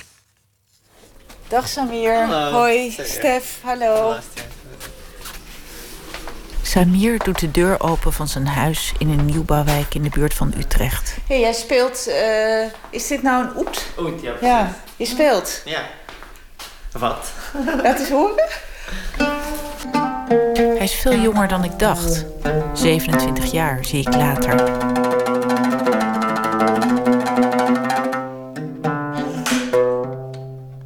Heel mooi. En zing je ook? Huh? Zing je Nee. ook? Nee? Stem is zo slecht. Ja? Ik, Mijn eh, vriendin zingt een beetje. Mijn vrouw.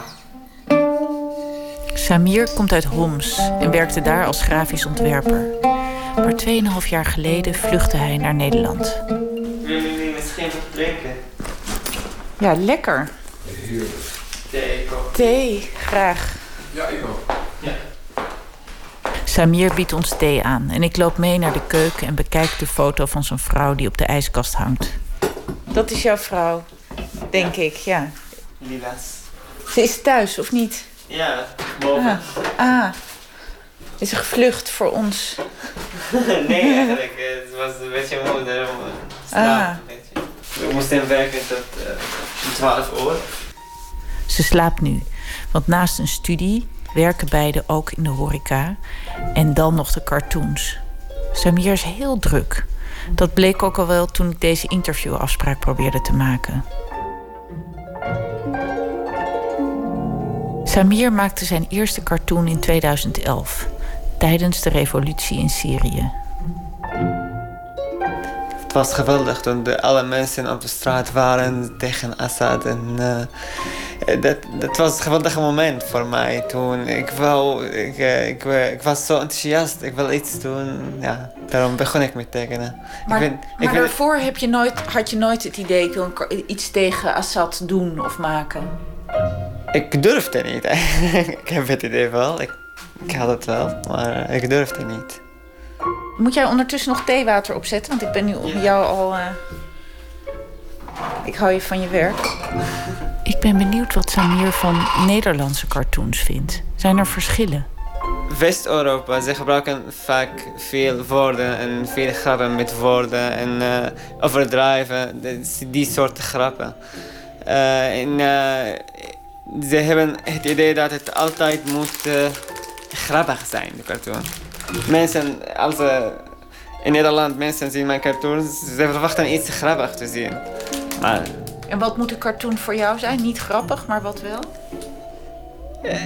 Ik weet het niet, kan ik, durf ik niet te zeggen precies. Het is kunst eigenlijk. Ik, het, het moet sprekend zijn. En tot En- en- nadenken stemmen, denk ik dan? Dat je, zorgt, dat, dat je zorgt dat mensen gaan nadenken wat er... Of dat je een Ja. complexe situatie heel helder maakt. Ja. In, Ja, en eh, moet ik iets meenemen? Moet ik dit meenemen of niet? Nee, Oh. maar moet... Oh, je gaat het nu nog opzetten? Zo ah, je hebt dus kokend water en thee en nu ga je het nog koken. Ja. Dat is Eh. Syrische thee. Ja, precies. Ah, bijzonder. Lekker. Het ruikt al heel goed. Die is een soort van Syrische thee, Palestijns. Ik ruik Meramia. Sally. Sally is het? Ja, denk ik. Geen idee. Jullie gebruiken het wel dan? Ja, maar meestal in het eten. Ja. Nee, gebruiken het niet in het eten. Nee, alleen als thee. Ja. Samir, ken jij, moet, moet jij hierbij blijven staan? Of eh, gaat dit gewoon zonder jou? eh? Eén minuut. Moet je dit zo, oh, dit moet je net als Japanse thee, hier moet je gewoon bijblijven. Ja. Ja, ja. Ali Verzat is een van de cartoonisten van wie werk op de tentoonstelling Cartooning Syria of Getekend Syrië te zien is. In de zomer van 2011, op het hoogtepunt van de demonstraties in Syrië, maakte hij een tekening als antwoord op de val van Gaddafi in Libië. Hij tekende Assad liftend langs de weg. Gaddafi komt aanrijden in een jeep en laat hem instappen. Verzat heeft later uitgelegd in interviews dat hij er echt van uitging dat Assad zou vluchten.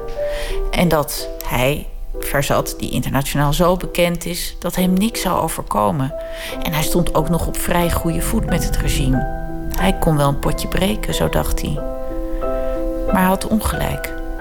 Op een avond werd hij opgepakt. Zijn vingers en handen werden kapotgeslagen en gebroken. En bij het vliegveld werd hij weer uit de auto gegooid met de woorden: De volgende keer maken we je af.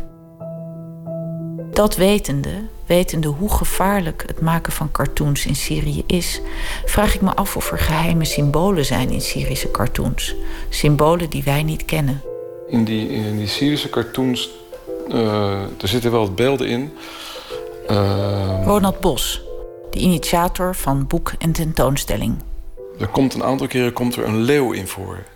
En die leeuw die verwijst naar uh, meneer Van der Leeuw. Dat is, uh, dat is de president, dat is Assad. Die naam betekent leeuw.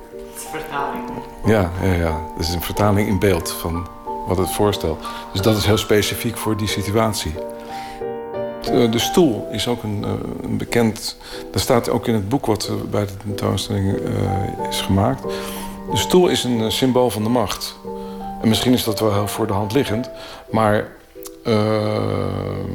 een, een, troon, dat zou eerder zou je kunnen zeggen. Maar een stoel ook. Dus er komen allerlei stoelen in voor. En die stoelen verwijzen dan naar de macht. Zonder dat iemand, een cartoonist, daarop kan aanvallen, bij wijze van spreken. Kan zeggen, ja, maar jij hebt, uh, dus hoezo, een stoel. Samir maakte ook een keer mee dat zijn tekening niet begrepen werd. Hij had een man getekend met een kompas in zijn hand en het noorden wees naar de lucht. Ik uh, heb die cartoons laten zien aan uh, Nederlandse cartoonist. Hij begrijpt het niet. Wat bedoel je, heer? heer? Het is zo duidelijk voor mij dat lucht, het, dat hij noord en zuid voor hem, hij heeft geen weg. De, de enige weg dat hij die heeft is. Uh, Oplossen in de lucht. De lucht. De lucht is, betekent dood in, in onze cultuur. Uh, toen hij zei, nee, dood in Nederland betekent beneden, niet boven. we, we, denken dat dood altijd boven is. Ja, ja dat, dat is inderdaad opvallend. Grappig. het, is, het is ook, je zou kunnen zeggen dat uh, onze cartoons gaan vaak over personen. En -hmm. over wat die personen gedaan hebben. Dat is voor, denk ik, maar dat, dat kan Samir misschien uh, zeggen. De, de, ze hebben op dit moment geen enkele behoefte om welke politicus, behalve dan Assad, uh, te beschuldigen ergens van. Niemand kent ze bovendien. En uh, het gaat daar meer om, nou ja, om dat er 400.000 mensen dood zijn gegaan. Dan ben je niet meer zo erg geïnteresseerd in een individuele politicus. Dan gaat het om de macht. En Samir, want het lijkt me ook... Maak jij nu alles wat je wilt maken? Neem jij geen blad voor de mond, zoals wij dat hier... Ja, of uh, moet je nog steeds voorzichtig zijn voor familie die in Syrië zit? Ik ben heel voorzichtig eigenlijk, ja. Uh, ik ben bang voor mijn familie in Syrië. en ik ben bang dat het ook mijn cartoon, cartoons een negatieve invloed heeft in de revolutie ook. Ik... Omdat je bang bent dat je aanzet tot iets wat de oorlog langer laat duren. Precies, precies. Ik denk veel erover, ja. Ik zeg bijvoorbeeld nooit dat die, we, we willen nooit opgeven. We willen vrijheid. Die bosheid die we hadden toen de revolutie begon, heb ik nu niet meer. Misschien heb ik in mijn ideeën wel, maar ik durf zo'n cartoons niet te maken, omdat ik, omdat ik niet in gevaar zit. Die mensen zitten in gevaar, maar ik niet. Maar maak je hem niet omdat je bang bent dat de oorlog langer duurt? Of maak je hem niet omdat je bang bent voor je familie in Syrië? Dat allebei. allebei. Allebei. Twee redenen, ja. Samir wil dus niet aanzetten tot strijd. Hij wil niet dat door zijn toedoen de oorlog ook maar een minuut langer duurt. Wel tekent hij de menselijke situatie en wil hij aanzetten tot nadenken. Hij laat een van zijn cartoons zien als voorbeeld. Een gevangene heeft een kuil gegraven om te ontsnappen uit een gevangenis. Twee militairen met geweren staren in de donkere gang waardoor hij gevlucht is. Vervolgens zie je die gevangene weer omhoog klimmen, maar hij komt weer in de volgende gevangenis, waar twee islamitische mannen met even grote geweren hem staan op te wachten. Wat ik hier wou zeggen, dat uh, mensen moeten die islamitische groepen niet vertrouwen. We moeten naar, andere, naar de vrijheid eh, vluchten, niet naar andere cel. Dat is wat ik uh, hier wou zeggen. Mensen vertrouwen soms in uh, islamitische groepen omdat ze echt goed zijn tegen Assad of hard zijn. Het is een andere cel, andere gevangenen. Ja, goed, dankjewel.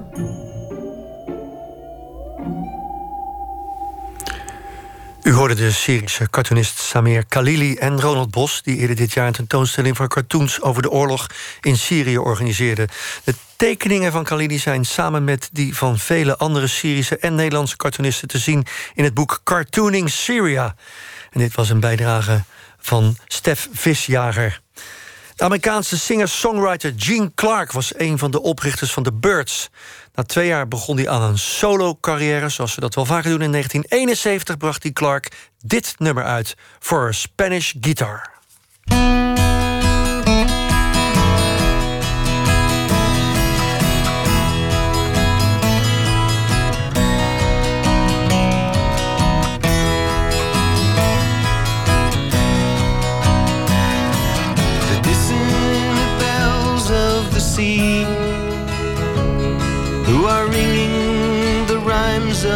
The deep. As they sing of the ages asleep, not so near or so far. And the old master's wind of the waves sped forth for the free men and slaves. Whispers of secrets it saves, and about whom they are. And the workings of sunshine and rain, and the visions they paint that remain. Pulsate from my soul through my brain in a Spanish guitar.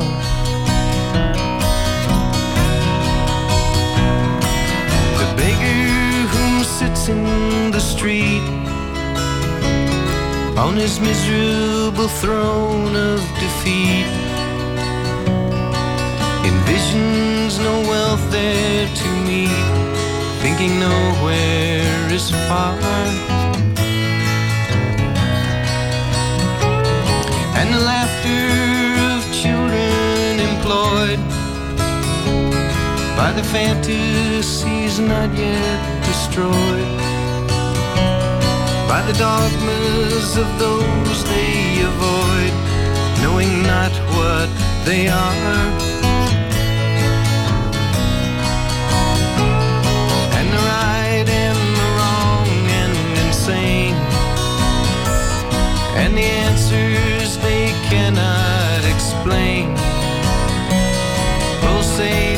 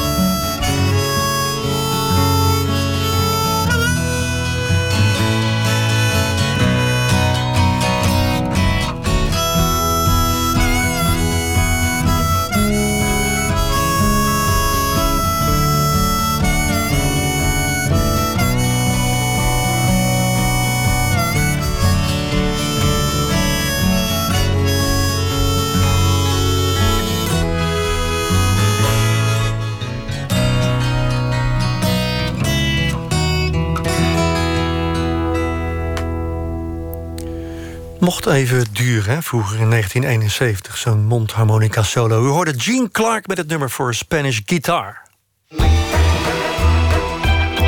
Nooit meer slapen. Onze laatste reportage voor vanavond. De mens is een geboren verteller. Hoor je tenminste vaak zeggen. Maar is dat wel echt zo? Onze verslaggever Luc Hezen vindt van zichzelf eigenlijk dat hij helemaal nou niet zo'n goede verteller is. Voor het programma Radio Doc ging hij daarom op zoek naar het antwoord op de vraag: hoe vertel je een goed verhaal? Het werd een driedelige documentaire die we deze week uitzenden. Vandaag deel 2: hoe vormen we onze identiteit door verhalen? Aflevering 2. Onze hoofdpersoon vervolgt zijn zoektocht naar het vertellen van een goed verhaal. Ik heb een probleem. Ik weet niet hoe ik verhalen moet vertellen. Natuurlijk kan ik praten en communiceren, maar hoe je een meeslepend en pakkend verhaal vertelt? Geen idee. Daar wil ik in deze driedelige reeks achterkomen. In de vorige aflevering ging ik op zoek naar de vorm van een goed verhaal. We vertellen eigenlijk verhalen om, om betekenis eh, te geven aan de dingen die we meemaken in ons leven. Ik ben 31 en ik kan geen verhaal vertellen. Ja. Je hebt de hoofdpersoon, het gedrag wat die vertoont in een bepaalde setting met een bepaald doel. En ze krijgen hulp van andere mensen of, eh, of tegenwerking. Een van de oerelementen van een goed verhaal is dat er een wending in zit. En nu ben ik benieuwd hoe belangrijk dat verhaal voor ons is. Vormen we er bijvoorbeeld onze identiteit mee? Denken we eigenlijk over onszelf in verhaaltermen? Iedereen maakt een verhaal om het leven draaglijk te maken. Ik ben in analyse geweest. Ik heb 7,5 jaar op een bank gelegen. Eerst vier ochtenden in de week. Toen drie keer in de week een uurtje s morgens. Ik lag op de bank en ik keek naar boven. En ik vertelde een verhaal. Je hoort schrijver Adriaan van Dis. In mijn ogen een meesterverteller. En bovendien bij uitstek een schrijver die zijn eigen leven als basis neemt voor zijn verhalen. Mijn vader sloot zich op in het donker. En dan moesten we altijd onze sokken uitdoen. Het woord oorlogstrauma kenden we niet. Mijn vader sloot zich op in het donker en lag daar te tellen. Dat was omdat hij zo zenuwachtig was. Hij had geen baan. Daarmee troosten we ons. Dat was het eerste verhaal waarmee we ons iets wijs maakten. Dat vertel je. Ik loop op mijn sokken in het huis en mijn vader ligt in het donker te tellen. En toen dacht ik, klopt het wel? Maak ik mezelf niet te zielig? Moet ik het niet veranderen? Droeg ik wel sokken? Nee. Ik deed mijn schoenen aan. Ik stampte in de gang. Ik was niet een slachtoffer, ik was ook een dader. En zo verander ik het verhaal. Nou wil ik niet zeggen dat het verhaal van die schoenen waar is. Nog dat het verhaal van die sokken waar is. Maar eerst had ik het verhaal van de sokken. Toen was ik een slachtoffer. Toen had ik het verhaal van de schoenen. En toen was ik een beetje dader. Mijn last werd verlicht toen ik voor mijzelf een dader kon maken. Want ik wil geen zielig jongetje zijn. En zo maken we telkens een verhaal om het leven draaglijk te maken. Geldt dit ook voor niet-schrijvers, voor mensen die niet hun beroep hebben gemaakt van het vertellen van verhalen? Ik vraag het adjunct hoogleraar psychologie Gerben Westerhof. Hij bestudeert levensverhalen in het zogenaamde Levensverhalen Lab op de Universiteit van Twente. Ja, ik denk dat als, wij, eh, als wij denken over onszelf, dat dat ook heel vaak in de vorm van verhalen is. Eh, we hebben natuurlijk ook nog heel veel stemmen in ons hoofd. Hè, van ja, wat je moeder altijd tegen je zei uh, toen je klein was, of je vader, of mensen die, die je hebben opgeleid. en waar je soms zelfs bijna mee in gesprek gaat eh, in je eigen hoofd. En dan heb je natuurlijk nog eh, alle verhalen die er in de cultuur rondzwerven. In de zin van films en boeken. En, eh, die je ook in je opneemt. eh, en die je helpen ook om ja, je eigen verhaal over je eigen leven ook te modelleren. Waarom doen we dat eigenlijk? We hebben toch onze gedachten al? Waarom moeten we daar in ons hoofd dan nog verhalen van maken? Daar zit ook een element van gewenning in, maar ook een element van het benoemen. En als je iets ja, benoemd hebt, ja, dan wordt dat eigenlijk ook weer een soort van ding waar je dan vervolgens iets mee kunt. Het is ook een soort van opruimen en de, de- ja, de dingen een beetje in vakjes stoppen. Van nou ja, dat is dus zo'n soort ervaring. En vanuit die vakjes kun je dan ook weer verder eh, daarover nadenken. Ik, ik denk dat, eh, als, als ik het heel stellig mag zeggen, identiteit tot stand komt in de verhalen die we vertellen. Aan het woord is Matthijs Sanders, hoogleraar moderne letterkunde aan de Universiteit van Groningen. Onze eigen identiteit, individuele identiteit, komt tot stand door het verhaal dat we over onszelf vertellen.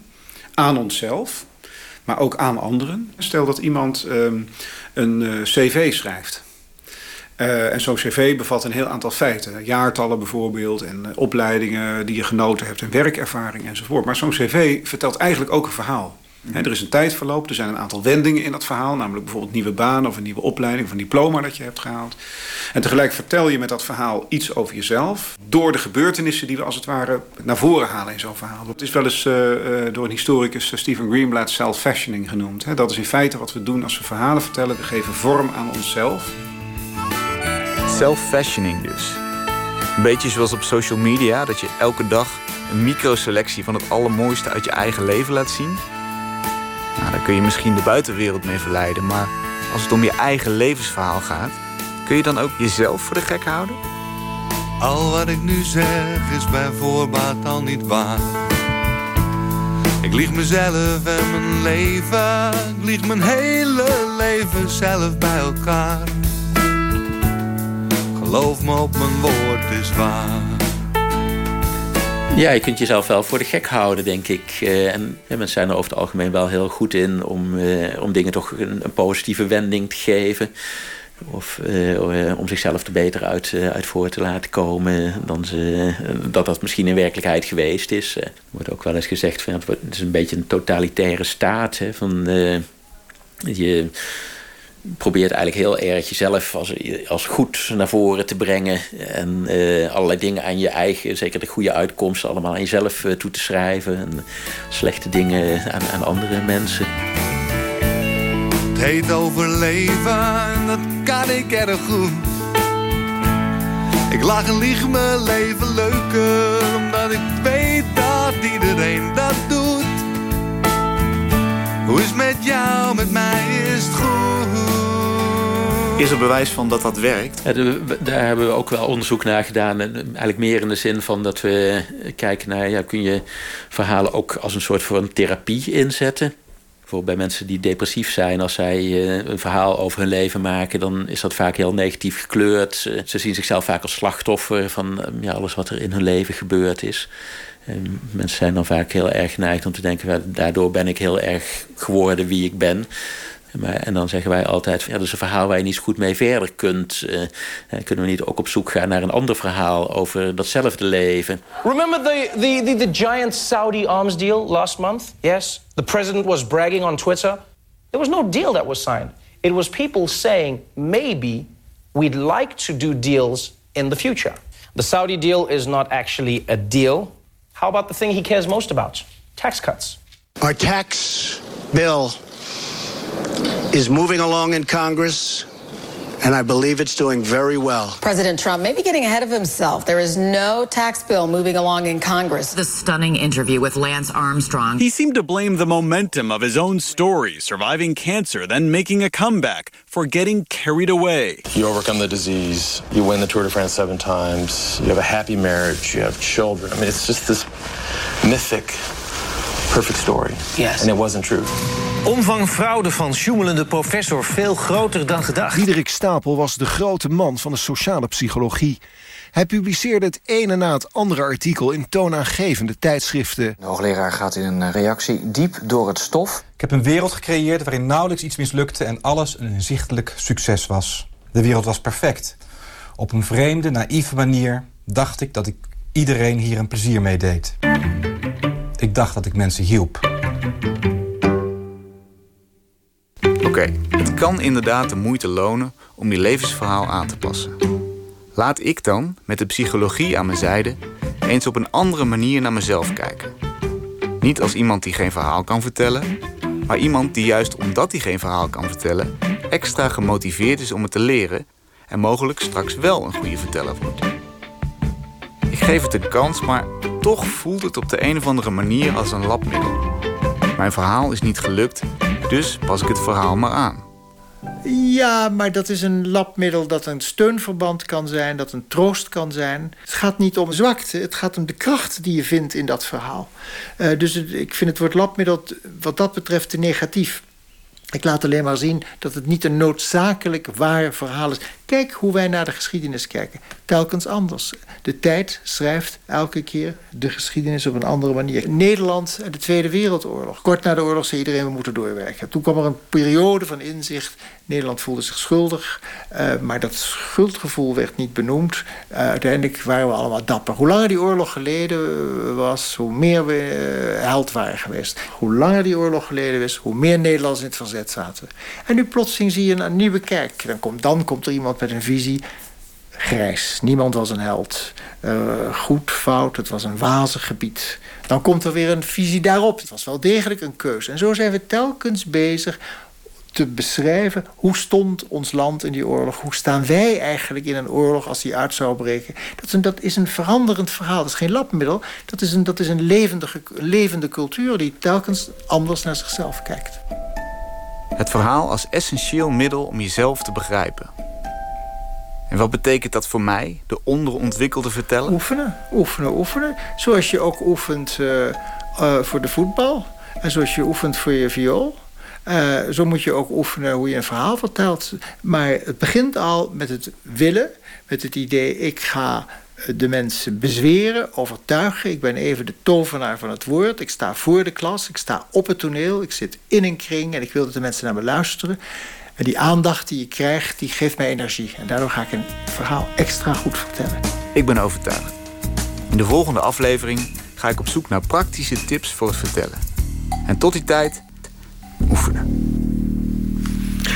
Ja, dat was eh, deel 2 uit de driedelige reeks De Mens en zijn verhaal van Luc Hezen. Deze reeks werd eerder uitgezonden in Radio Doc. Morgen hoort u trouwens het laatste deel. Hebben nog tijd zo te zien voor een laatste nummer, muzieknummer Standing in the Doorways, de nieuwe single van His Golden Messenger. Zanger MC Taylor begon de band tien jaar geleden in North Carolina. Nummer is overigens geen cover van het gelijknamige nummer van Bob Dylan. MC Taylor schreef het nummer toen hij werkte aan zijn soloplaat. Yes, hey, if it doesn't matter, we can be lonely with each other. Yes, hey, if it doesn't matter, we can be bold with one another.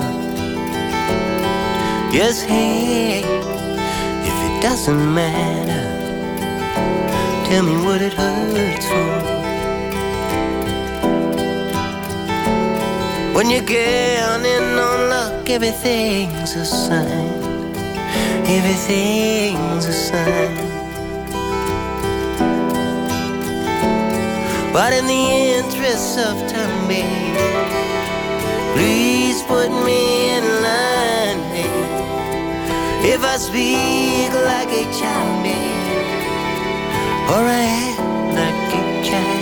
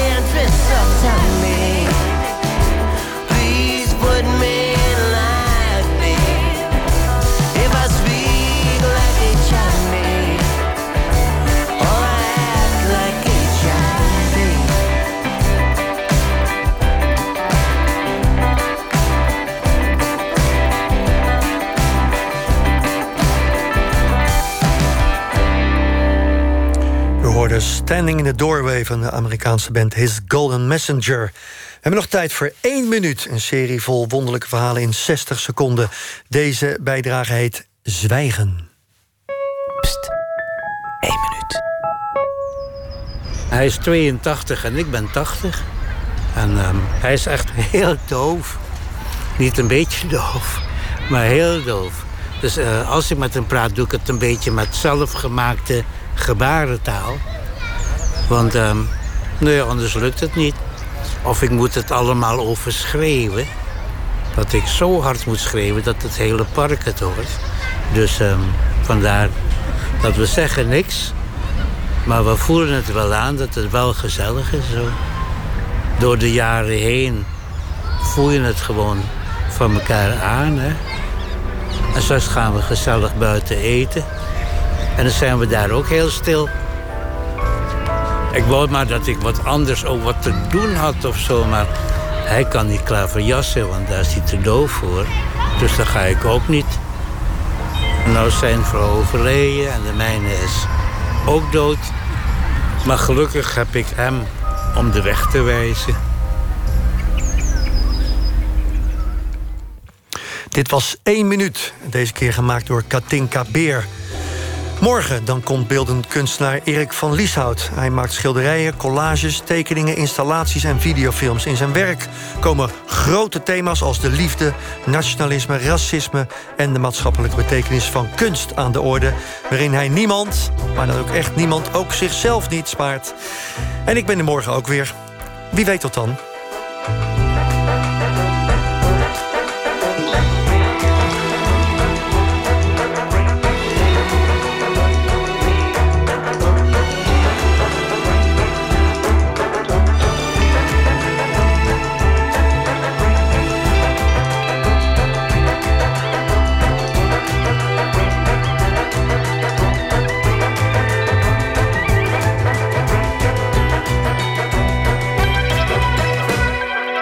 Radio 1. Het nieuws van alle kanten.